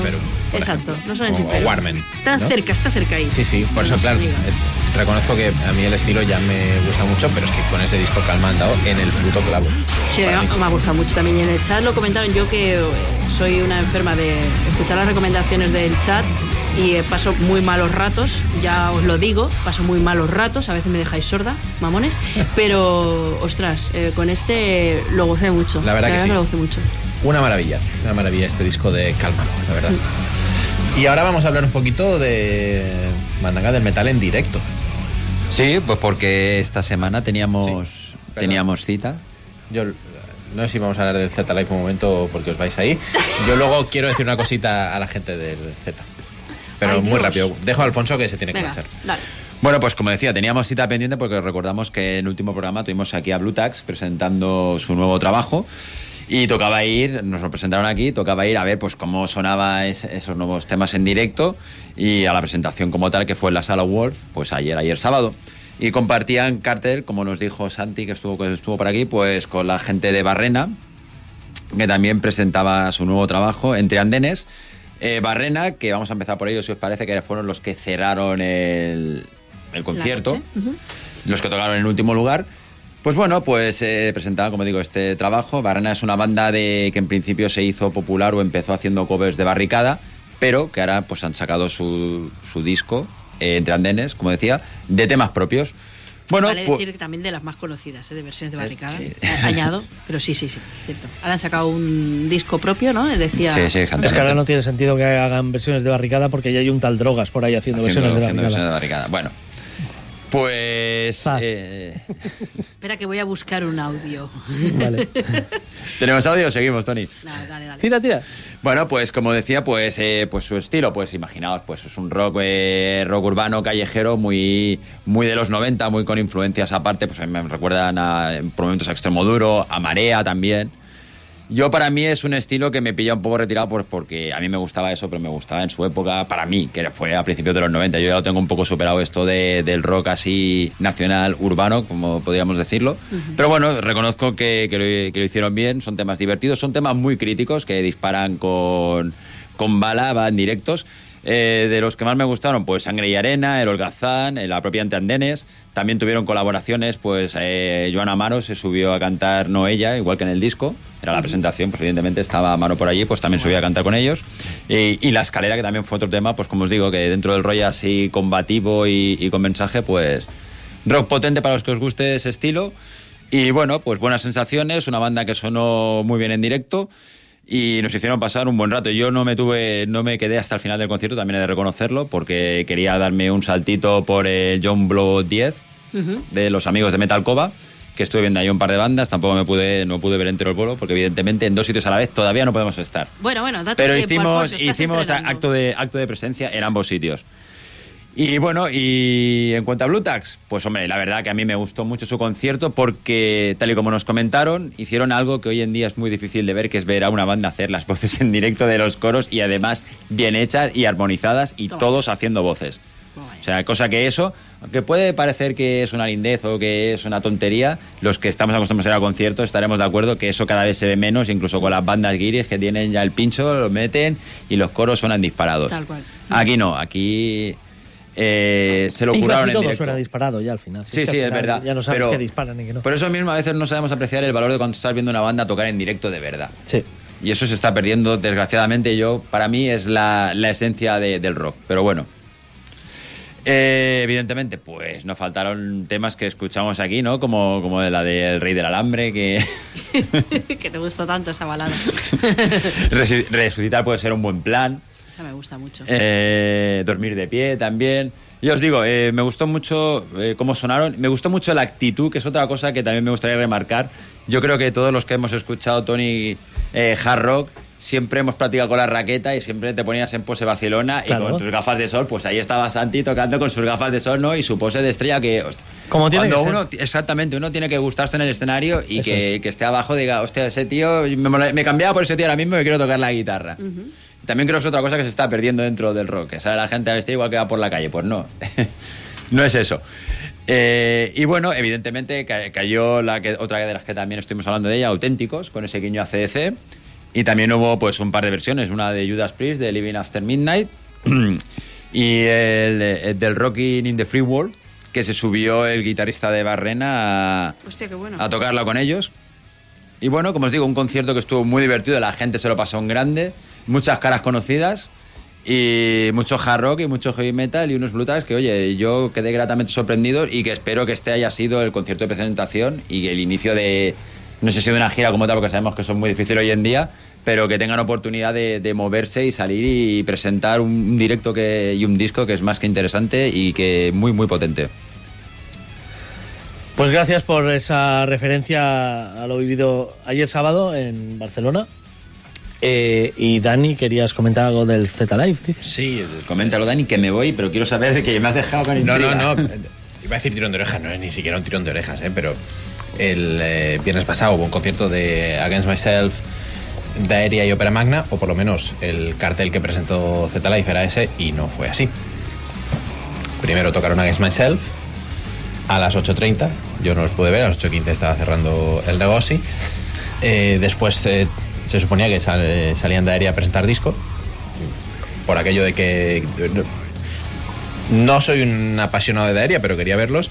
Y cené muy rápido por la zona y me fui eh, cuando empezamos a ver desfilar a la gente de Opera Magna preparando sus cosas, que salieron después a hacer un set cortito, porque cerraban Daeria, porque presentaban disco también.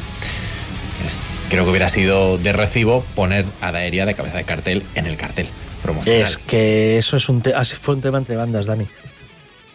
Daeria pidió en Barcelona hacer la presentación del disco. En, en el cartel se, se, se especificaba cartel- que Daeria Sí, y Against sí. Myself presentaban disco. Pero, la gira, de, la gira que monta Z Live gira dos fechas, Barcelona y Madrid, es ópera magna. Correcto. Y por un eh, pacto entre las bandas, es que ahí Z Live no, no- ni pinchó ni cortó, fue un pacto entre las bandas el cambiar el orden de ópera y de aérea. Mm, bueno, pacto, pacto que ya te digo yo que, que a, lo, a lo que ópera magna ni pinchaba ni cortaba, se avino. Sí, no, no, no. seguro. petición Yo de estuve Daeria. hablando con un par de músicos de Opera Magna y les comenté el tema y pensé que ibais de cabeza de cartel, ¿no? Bueno, no, ninguno hizo ningún comentario, evidentemente. Eh, ya digo que no es ningún tirón de orejas, ¿eh? Es decir, Mm. pero vaya. Bueno, imagino, sin, sin tener idea, imagino que era lo que, lo que comentaba Tony, si era la presentación, era en su ciudad, pues que menos que darle un poco de, de Sí, no, al y- evento, ¿no? Y, ya no solo eso, sino temas Sí. familiares y demás, de gente que viene a verte a tu ciudad Por y tal. supuestísimo, Y para cuadrar que todo el mundo llegara, todo el mundo estuviera y nadie se lo perdiera, eh, Sí. se hizo el pacto entre bandas. Por eso te digo que Z que- Life ahí.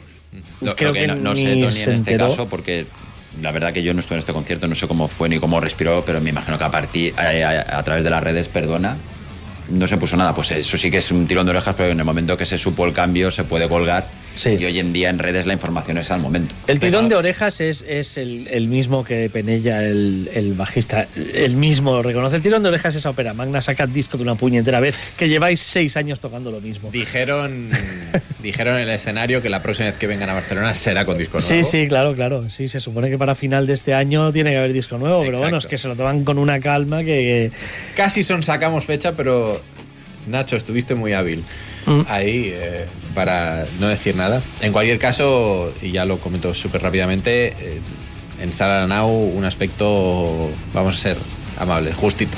Había ese día había muchos conciertos. Era, Sí, fue el sí. 26. Había obús, yo estaba en obús, creo que había más cosas. Es como ayer, por ejemplo. Sí, Ayer sí. había mucha. eh, Me supo mal, ¿eh? ciudad. porque son tres bandas fantásticas. Pero Y al día siguiente la Nau a reventar. con Neobliviscari, sí, sí. Con fanta- Sold Out. Fantástico concierto, ¿eh? Compañeros, os dejo, voy tirando haber parceta. Hasta luego. Bueno, Sí, sí. Ve, ve- ve tirando. Haz un diario de día a día, Alfonso, por favor. el camino de Santiago, no, el Si camino veis a Alfonso Camino caminar por la autovía, por favor, echa- echarle agua. Echarle, o bueno, darle un trozo, llevarle un trozo. Exactamente. Un Eh, trozo, no llevarme entero. Llevarle, no, pero que Hasta decir un cacho del camino. Ay, de verdad, qué específicos. Exacto. Pues yo también estuve en un concierto, Tony. Yo estuve el jueves viendo a Lucifer, eh, que es esta banda sueca de mm, hard rock setentero, cuya inspiración está entre Black Sabbath y Kiss. Eh, una cosa así un poco extraña, pero O de sea, verdad muy guapa de ver. entre Satriani y Lucifer te fuiste a Lucifer. Sí. Vale, bien. Para gusto los colores. ¿no? Eh, bueno, pero Lucifer tenía el encanto que era la, primer- la primera vez que venían a Barcelona como cabezas de cartel. Habían venido de teloneros de Paradise Lost y esta vez pues iba a ser el cartel solo para ellos. En principio salían a las 9, sin teloneros, sin nada, Sala Blood. Todo para ellos, porque aprovechaban que están haciendo de teloneros en la gira de Ghost y en Barcelona tú estabas viendo a Ghost en el primavera. No, Entonces- no, la verdad es que no. Ah, no, vale, como pusiste bueno, la foto, digo. bueno, igual. no, no, sí, puse un vídeo, pero eh, yo fui a trabajar Ah, fuiste a borrar. y estaban ahí Ghost tocando y me acerqué un rato, pero. O sea, Pues- me pudrí de aburrimiento. Como verdad. ellos hacían la gira de Ghost, esa fecha les quedó libre y dijeron, quita. Que me acuerde hablar de primavera y de ese día. Pero sigue, sigue. Vale, ahora te lo, luego te lo recordamos. Venga. Eh, entonces, aprovechando que venían la gira, ese día les había quedado libre ese fin de semana y no tenían que volver a unirse a Ghost hasta unos días más tarde en Francia, pues bueno, ahí estuvo muy bien Red Sun y aprovechó para que hicieran un par de fechas Barcelona-Vitoria. Eh, los días antes supimos que Nicky Anderson, que es eh, bueno, conocido por formar parte de Helicopters, tenía compromisos con The Helicopters porque, claro, al montar la gira grande de Ghost, eh, recordemos que Helicopters y Ghost los dos son suecos y posiblemente la compañía de management sean, sean am- amigos. Eh, al montar la gira de Ghost esa fecha no coincidía, pero al montar estos pequeños bolos eh, aparte, pues ahí ya no no estaba la maquinaria Helicopters por detrás y entonces eh, se cayó. Pero tengo que decir que siendo una gran fan de Nicky Anderson, porque también me gusta en Imperial State Electric donde él está, me gusta mucho, tengo que decir que la batería que trajeron pues tocaba de puta madre, con lo cual Nicky te queremos, pero el batería que, que estuvo supliéndote, eh, Danner Hester, eh, un nombre así como muy de Zamora, eh, Sí, lo hizo muy bien. Totalmente. Lo hizo muy bien. Puntualidad británica. Aparecen, nos lanzan la grabación del NIB de Black Sabbath, con lo cual ya estábamos todos con el hype en lo alto, incluido tu amigo Gibernau, que lo vi. Estaba ya al lado mío. Es muy fan, es muy fan. Eh, estábamos eh, todos super hype con esa intro, salieron con las guitarras, todo muy setentero. Y cuando salió Johannes Adonis, pues la verdad que la sala se vino abajo, o sea, fue brutal.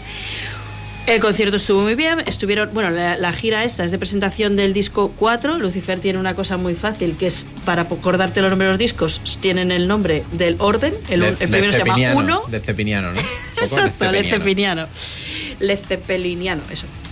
Eh, total, que presentaban el 4, que es el último que han sacado. Y aparte, como han sacado un single últimamente que se llama Coffin Has No Silver Line, Ah. Lining, joder, eh, pues también lo aprovechaban y lo tocaban. Pero solo voy a sacar dos para. Yo, el concierto fue grandioso, maravilloso, me lo pasé muy bien. La banda conectó muchísimo con el público. Los guitarristas son espectaculares, doblan las guitarras perfecto. Los coros que le hacían a Johanna, brutales. La voz no se escuchaba mucho, también tengo que decirlo, pero no sé si es una cosa de la sala. Eh, ¿El batería Helicopters bien? qué maldito eres. No, pero que el batería que te digo que tocó muy bien. O sea, eh, ¿El de Helicopters bien por eso? el de. Helicopters, no sé qué casa, hizo en su casa eh, o en Bélgica que estaba tocando, pero eh, el señor, espera que lo vuelva a decir, Danner Hester, eh, lo hizo muy bien. Eh, Lo celebramos. dos cosas que para mi gusto, para que el concierto fuera perfecto, han faltado. Uno, y me voy a poner en modo Tony, Ojo. no me tocasteis ninguna canción del primer disco. Y yo quería escuchar Abracadabra. Estoy indignada. No tocasteis Abracadabra, señores. Johanna, te hablo a ti. no Como las demos, es que como las demos. De verdad, no tocaron del primer disco. Eh, y segundo, una horita de concierto, de verdad. Yo lo entiendo. Una hora de concierto son unos 10 minutos más de lo que suelen tocar ellos. Si es que siempre hacen un set de 50 minutos. Es que tendrías que estar agradecida que tocasen una hora. El problema es no meter un telonero y cobrarte el precio que te cobraron por una hora de concierto. Pero es que estiraron el set. No, no, tocaron una hora y además yéndose y teniendo que la gente que pedir el bis. Claro, claro, porque su set habitual son 50 minutos. Claro, porque están haciendo de teloneros No, que no, pues, no, pero siempre, que su siempre. set eh, en general cuando ellos vayan solos No, no. deberían hacer una hora y media. Pues no hacen hora y media, porque hacen. um, El máximo va a ser la hora. Aquí el problema, a Lucifer no lo pasa en más de una hora en directo. A no ser que cambie mucho la situación, es decir, la cantante. Eh, ¿Por qué? ¿Qué le porque pasa? no, ¿Que Joana tiene- canta su hora y se va. Tiene, ¿Le duele la, la barriga después de la hora? De la ¿O barriga. después- A la hora es como los gremlins. no, aquí el problema es no haber metido dos o tres grupos. Sí. Es meter a Honeymoon uno solo. Disease, Dead Lord. Mira, te llevaban al guitarrista de Dead Lord, tío. Mete a Dead Lord de teloneros. Ya está, no pasa nada, nos lo pasamos bien. Pues no. Y, pero bueno, ya digo, el concierto estuvo muy chulo. Pero mm, me hubiera faltado esto para que las frikis como yo nos lo hubiéramos acabado de pasar estupendísimamente. Y Bueno. por otro lado, no quería también hablar que el otro día estuve en la presentación del magnífico y maravilloso festival de Cornellá, Can Mercade Festival 2023, que fue aquí en el Castillo de Cornellá, chulísimo por Tengo cierto. una duda Correcto. sobre este Si no habéis festival. ido, eh, ir. Eh, ahora te la aclaro. Dime. It. Ir no, it. It. It. Como la peli. It como la peli. Y si vais vestidos de payaso, molará mucho, porque Molará hay una muchísimo. banda eh, tributo de Slipknot que se llaman The Magots, que los he visto 40 veces y molan mogollón. Y si vais vestidos de payaso ya iréis acorde con la banda. Molará muchísimo. Claro, más. porque It toca Eimel Trejo, vestidos. bueno, guitarrista de Daeria también. Tuvimos eh, la presentación, bueno. estuvieron allí las bandas, estuvieron mm, varios medios eh, y la verdad que fue una presentación muy muy cercana, son muy bien, nos eh, pusieron el vídeo presentación de todas las bandas, teníamos a Rebels One y Contraband que vienen de la factoría musical de aquí de Cornella, que siempre pues eh, están apoyando a la música local. Luego hay mm, metal así sinfónico eh, de una banda llamada Angelical Gel eh, que nos comentaron desde la organización que lo que mola es ver el espectáculo que montan. No he tenido el placer, no los he visto en directo, o sea que será otra de los caramelitos para ir. Luego, otros que sí que había visto, We Exist Even Dead. Aquí me dieron de mi comer bastante, porque ya los vi. Eh, ganaron. ¿no? ¿Eh? En Ripollet tocaron, ¿verdad? Hace no, no mucho. Pues si tocaron en Ripollet no los vi porque yo los vi en el Resu Vaya. cuando ganaron el Band Contest en 2018 y la verdad que se llevaron a toda la gente de calle. Tocaron en uno de los escenarios, eh, el mediano, digamos. en Ripollet ya menos, ya te lo digo. No es el mismo público tampoco. No es el mismo público. Pero la verdad que están, están muy chulos, son muy buena gente, están muy chulos. Luego hay otra banda, Against Myself, que este, mm, eh, por lo que comentaba la organización, yo no he tenido tiempo de darles una escucha, es Power Proc. Sí, los que Mm, tocaron. Bueno, Power Proc son los que abrieron para Daeria y Magna. y Opera Magna. Yo conocí a Irene, la anterior cantante. Eh, y más que Power Proc, a mí me suenan a Power Symphonic. Pero Power bueno. Symphony. Vale, no sé. Yo lo de Proc, eh, como siempre estamos metiéndolo Sí, bueno, en sitio donde todo, no toca. Todo puede ser Proc al final. Eh, luego, eh, lo que os decía, los magos, que son el tributo este a Slim, que de verdad. Los Magots, los Magots, pronuncia la T porque algunos se va a pensar que son los magos. Los magos, no, exacto. y nos va a Todavía. denunciar Magots. Chus Di Felatio. Exacto, que Chus de Felatio está aquí denunciando a diestro y siniestro. No, Magots, Chus, no te confundas, con T, Magots. Vale. Magots porque es como se les llama a los Slipknot, porque Magot significa gusano, pero también era un payaso que estaba en Estados Unidos, ¿vale? Ya está. Mm, mm, Chus, no nos denuncies, por favor. Pues esta gente se lo ocurran mucho y vinieron tres de ellos con las máscaras y el traje de Slipknot, que eso Claro. mola mucho, señores. Si eres haces un tributo a Slipknot, tienes que ir siempre vestido así, a trabajar también. Vale. Allá al Amazon, al hacer de ¿cómo se dice esto? De carretillero, vestido así, Vestido por así. favor. Eh, una de las cosas más tontas que he visto después de un concierto fue la primera vez que vino Slipknot a Barcelona, a Razmataz 1, que no sé por qué acabe allí, pero acabe allí. Y los tipos salieron, claro, ya despintados, desmascarados y demás. Y cuando la gente les pedía hacerse fotos con ellos, se ponían un papel delante de la cara. Sí, porque Era- había era- como era- la- era sí. lamentable. Sí. Había como la movida esta que no podías saber quiénes eran. Bueno, no O sea, nada. pues me podía hacer yo, yo le dije a un a, al Uriols, que es, no es- creo que me esté escuchando, pero es que quería hacerse fotos con todos y le dije, me pongo, pongo yo un yo? papel en la cara y dices que soy, porque claro, se empezó a hacer fotos con gente con un papel en la cara. Vale, guay. No Era otra época también. Eh, Sí. Os estabais haciendo fotos con una cámara semiautomática de aquellas, ¿sabes? Con carrete. Con carrete, con carrete, por supuesto. Era otra época. Hoy en día ya, eh, desde que se... Bueno, ya, ya. Ya, Ya no, tuvieron sí. que quitar las máscaras porque es que no había huevos ya luego. Claro. Eh, otra banda que también yo había visto muchas veces por Barcelona y desconocía su trayectoria, Stop Stop, desconocía que estaban en Birmingham viviendo y ganándose allí las garrofas tocando. Totalmente, no, estaba fuera de mi. Nada menos que en la cuna. Birmingham, ¿eh? Ojo, ¿eh? Mm. Y la verdad que, pu- al menos cuando estaban por aquí, hacían muy buenos conciertos. O sea, un Sleazy muy divertido. O sea, que si hacen la mitad de bien que lo hacían ya cuando estaban aquí y han pasado 10 años de eso, pues la verdad que va a estar muy divertido. Y luego, como no, pues eh, estos no estuvieron, evidentemente, porque están en Birmingham. Y luego estuvieron también Legion, Legion, Legion. Ah, estuvieron Kim y los hermanos Tony y Miguel. Eh, bueno, pues eh, también allí eh, un poco arengando a, a la gente a que, a que venga al concierto. Eh, por parte del ayuntamiento vino, vino Lidia Gómez, que es como la regidora de Juventud, y me quedo con la frase que dijo ella de que el rock es cultura. Espero que, aparte de Juventud, lo transmita también al Departamento de Cultura del ayuntamiento, pero que está muy guay que ya tenga esta, este bagaje. Y nada, recordaros que es el 22 de julio, que estaremos en jornada de reflexión Ese- electoral. Esa era mi pregunta. ¿Salió el tema político? Porque no sé hasta qué punto, o sea, esto no es posible sin el Ayuntamiento de Cornellá. No sé hasta qué punto el Ayuntamiento puede estar, eh, no asustado, pero quizá, bueno, eh, implicado en que se puedan lanzar consignas eh, políticas que alguien pueda denunciar a la Junta Electoral en este festival.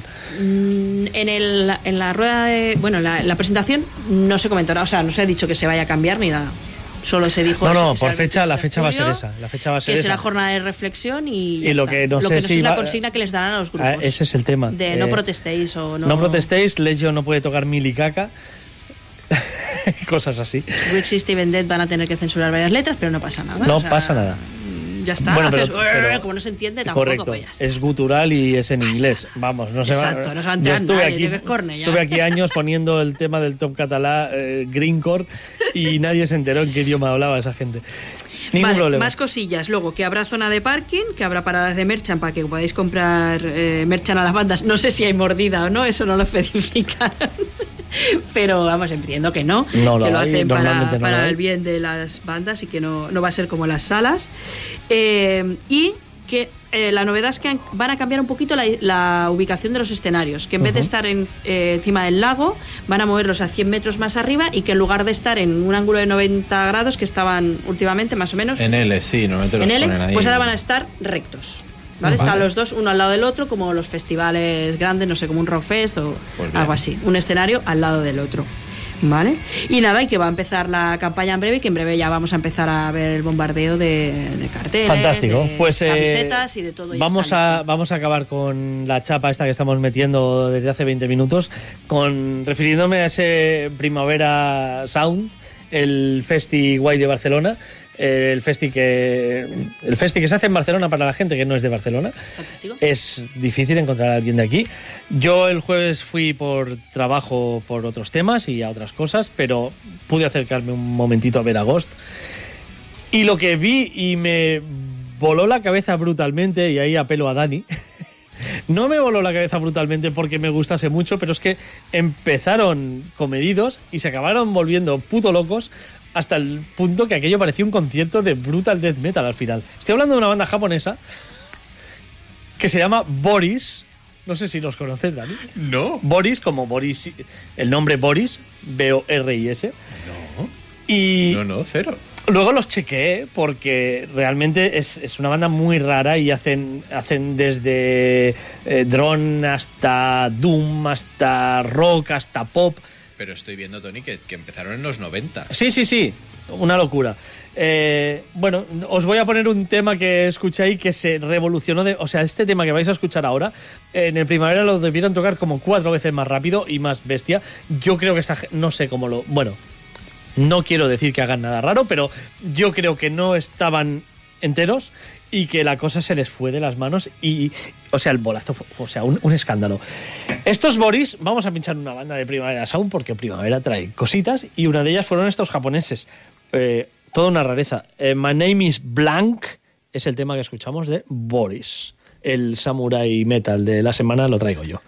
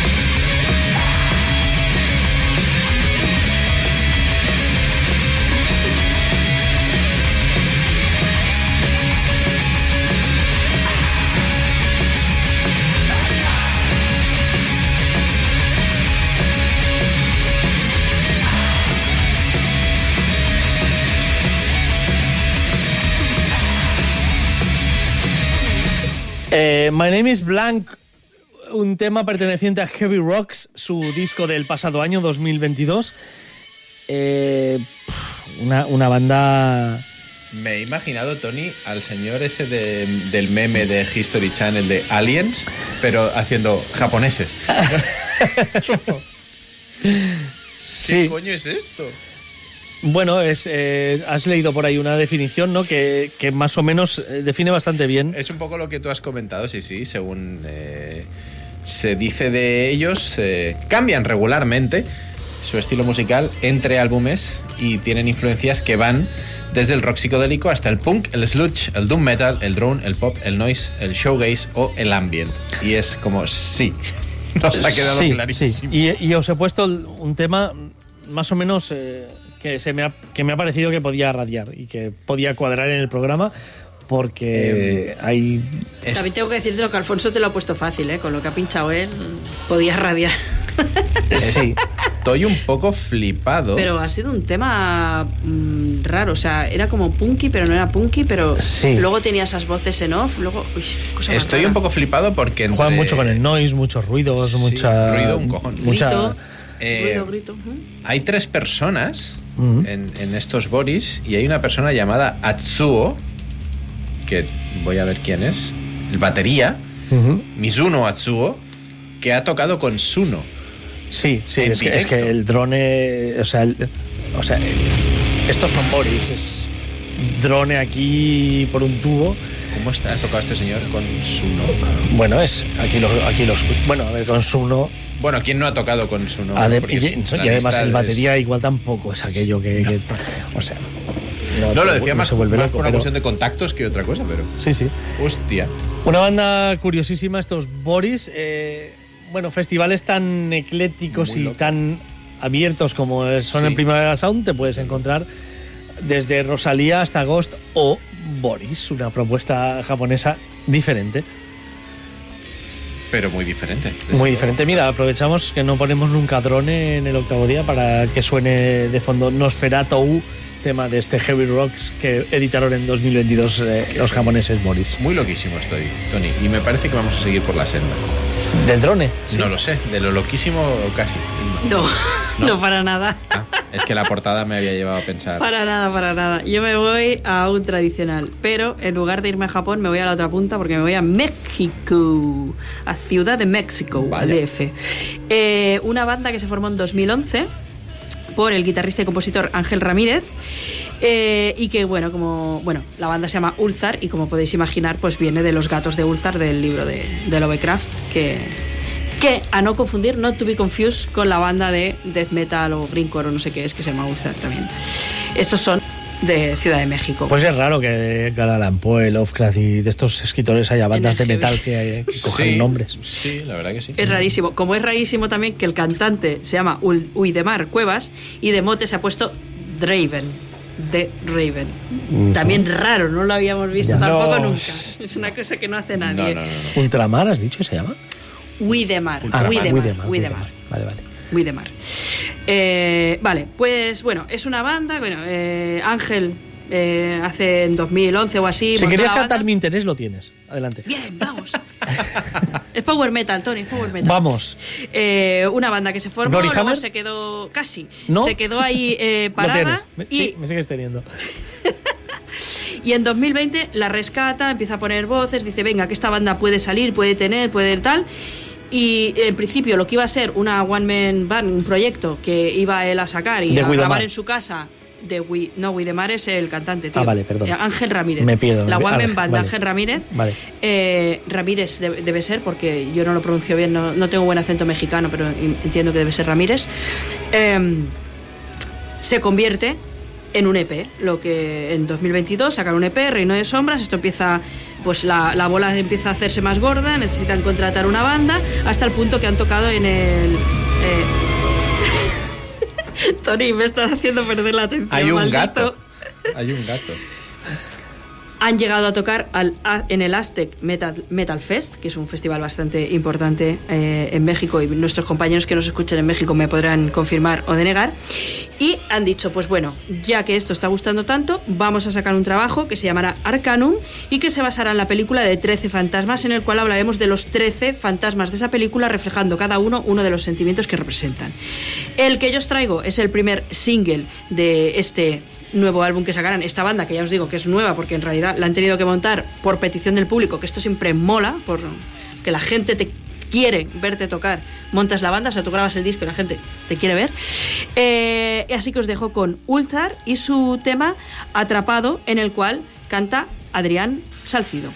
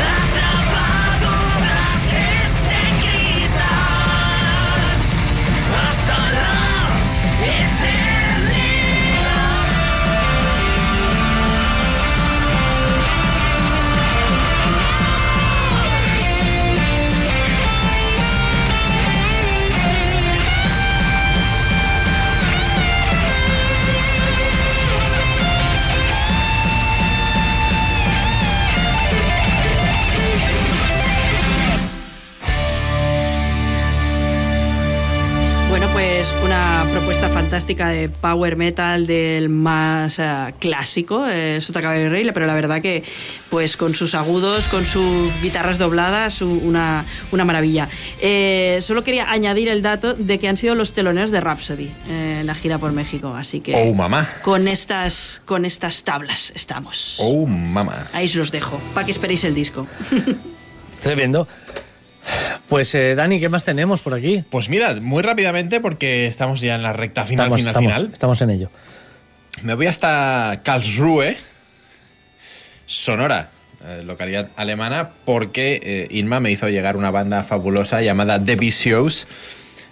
con un eh, heavy metal melódico hard rock que realmente no me he podido sacar de encima. Una banda súper prolífica, cinco trabajos en los últimos cinco años, pero es que además estrenan vocalista. Para este último trabajo acaba de aparecer Code Red y me ha sorprendido quién es, porque yo no sabía quién era. Baol Bardot Bulsara, así se hace llamar, nacido Hombre. en eh, Spain, Madrid. Hombre, Sí, sí. vocalista de TNT. En su momento. Sí, señor, sí, señor. Pues no sabía que se había venido aquí a cantar también con The Vicious. Y tan. Sí, sí. Bueno, sin más dilación, que se nos acaba el tiempo, un poquito de hard rock de altos vuelos con un eh, chico que además me lo dijo Inma. Puede llevar su voz a cotas. En fin, Bueno, que se ha puesto la camisa de Tony Harnell, es decir. básicamente. Y se la ha puesto y le queda de lujo. Sí, le queda muy bien. Así que, para muestra, un botón Highway to the Stars, lo nuevo de The Vicious.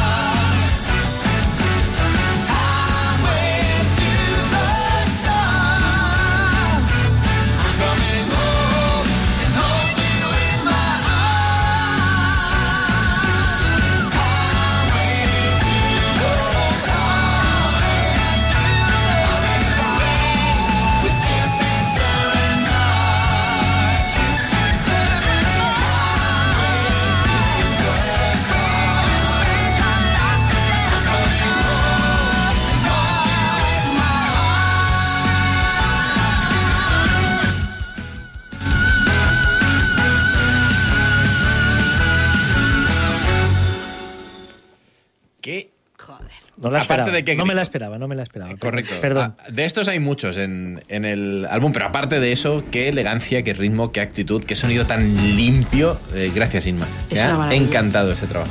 Es una maravilla. Sabía que te iba a gustar por los gritos.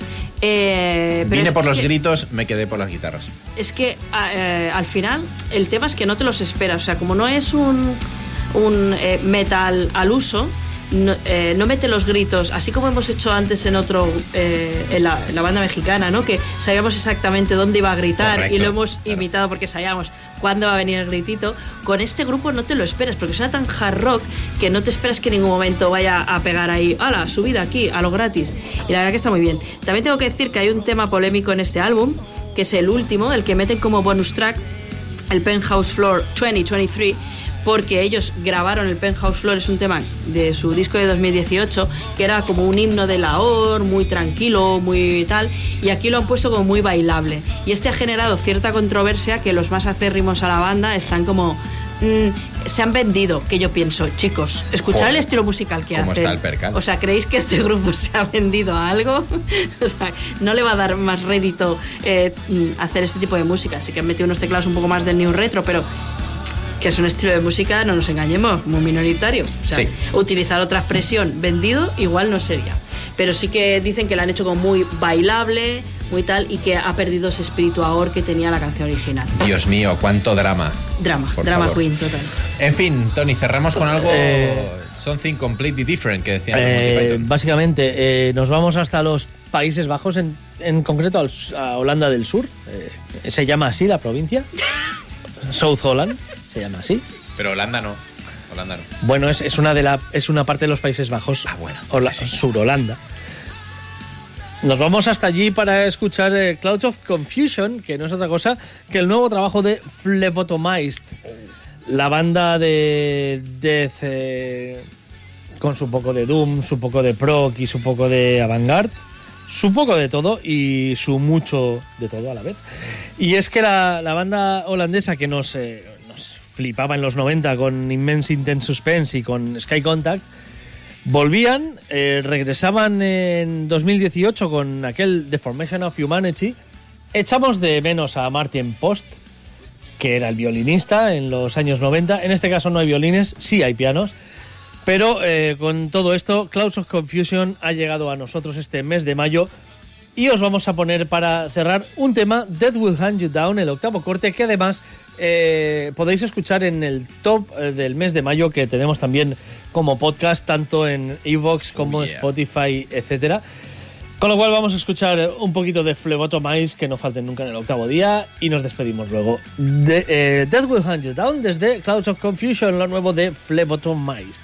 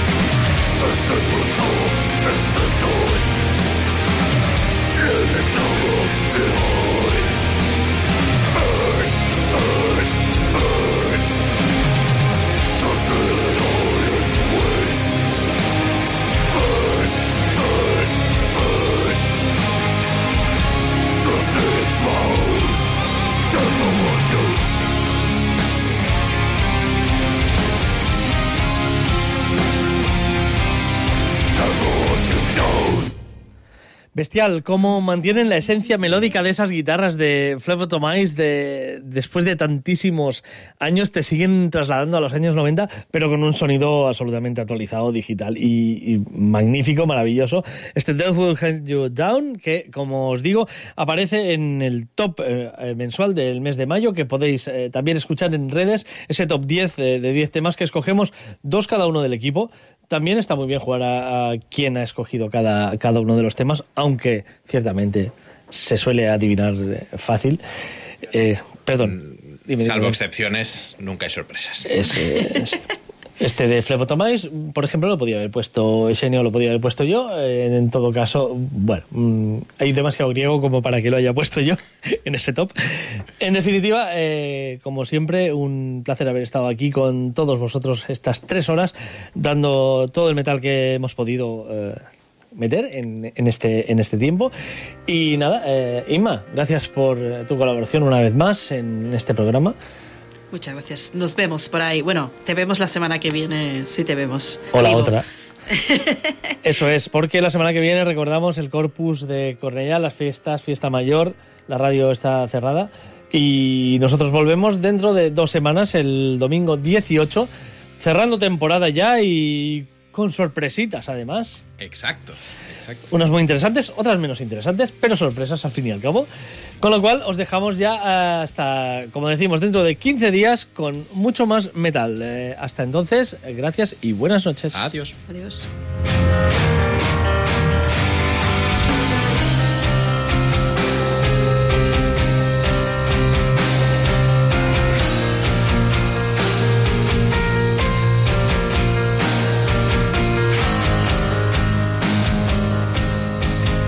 Hasta aquí el octavo día. Te esperamos el próximo programa con lo mejor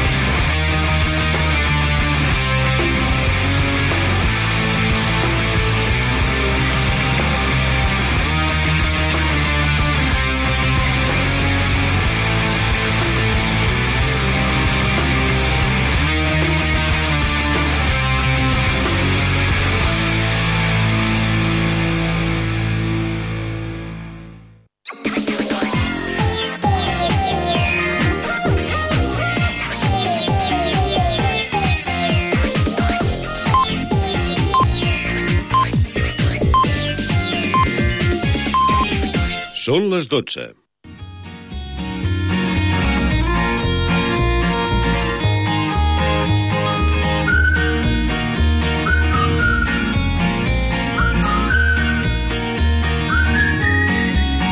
Molt bona nit.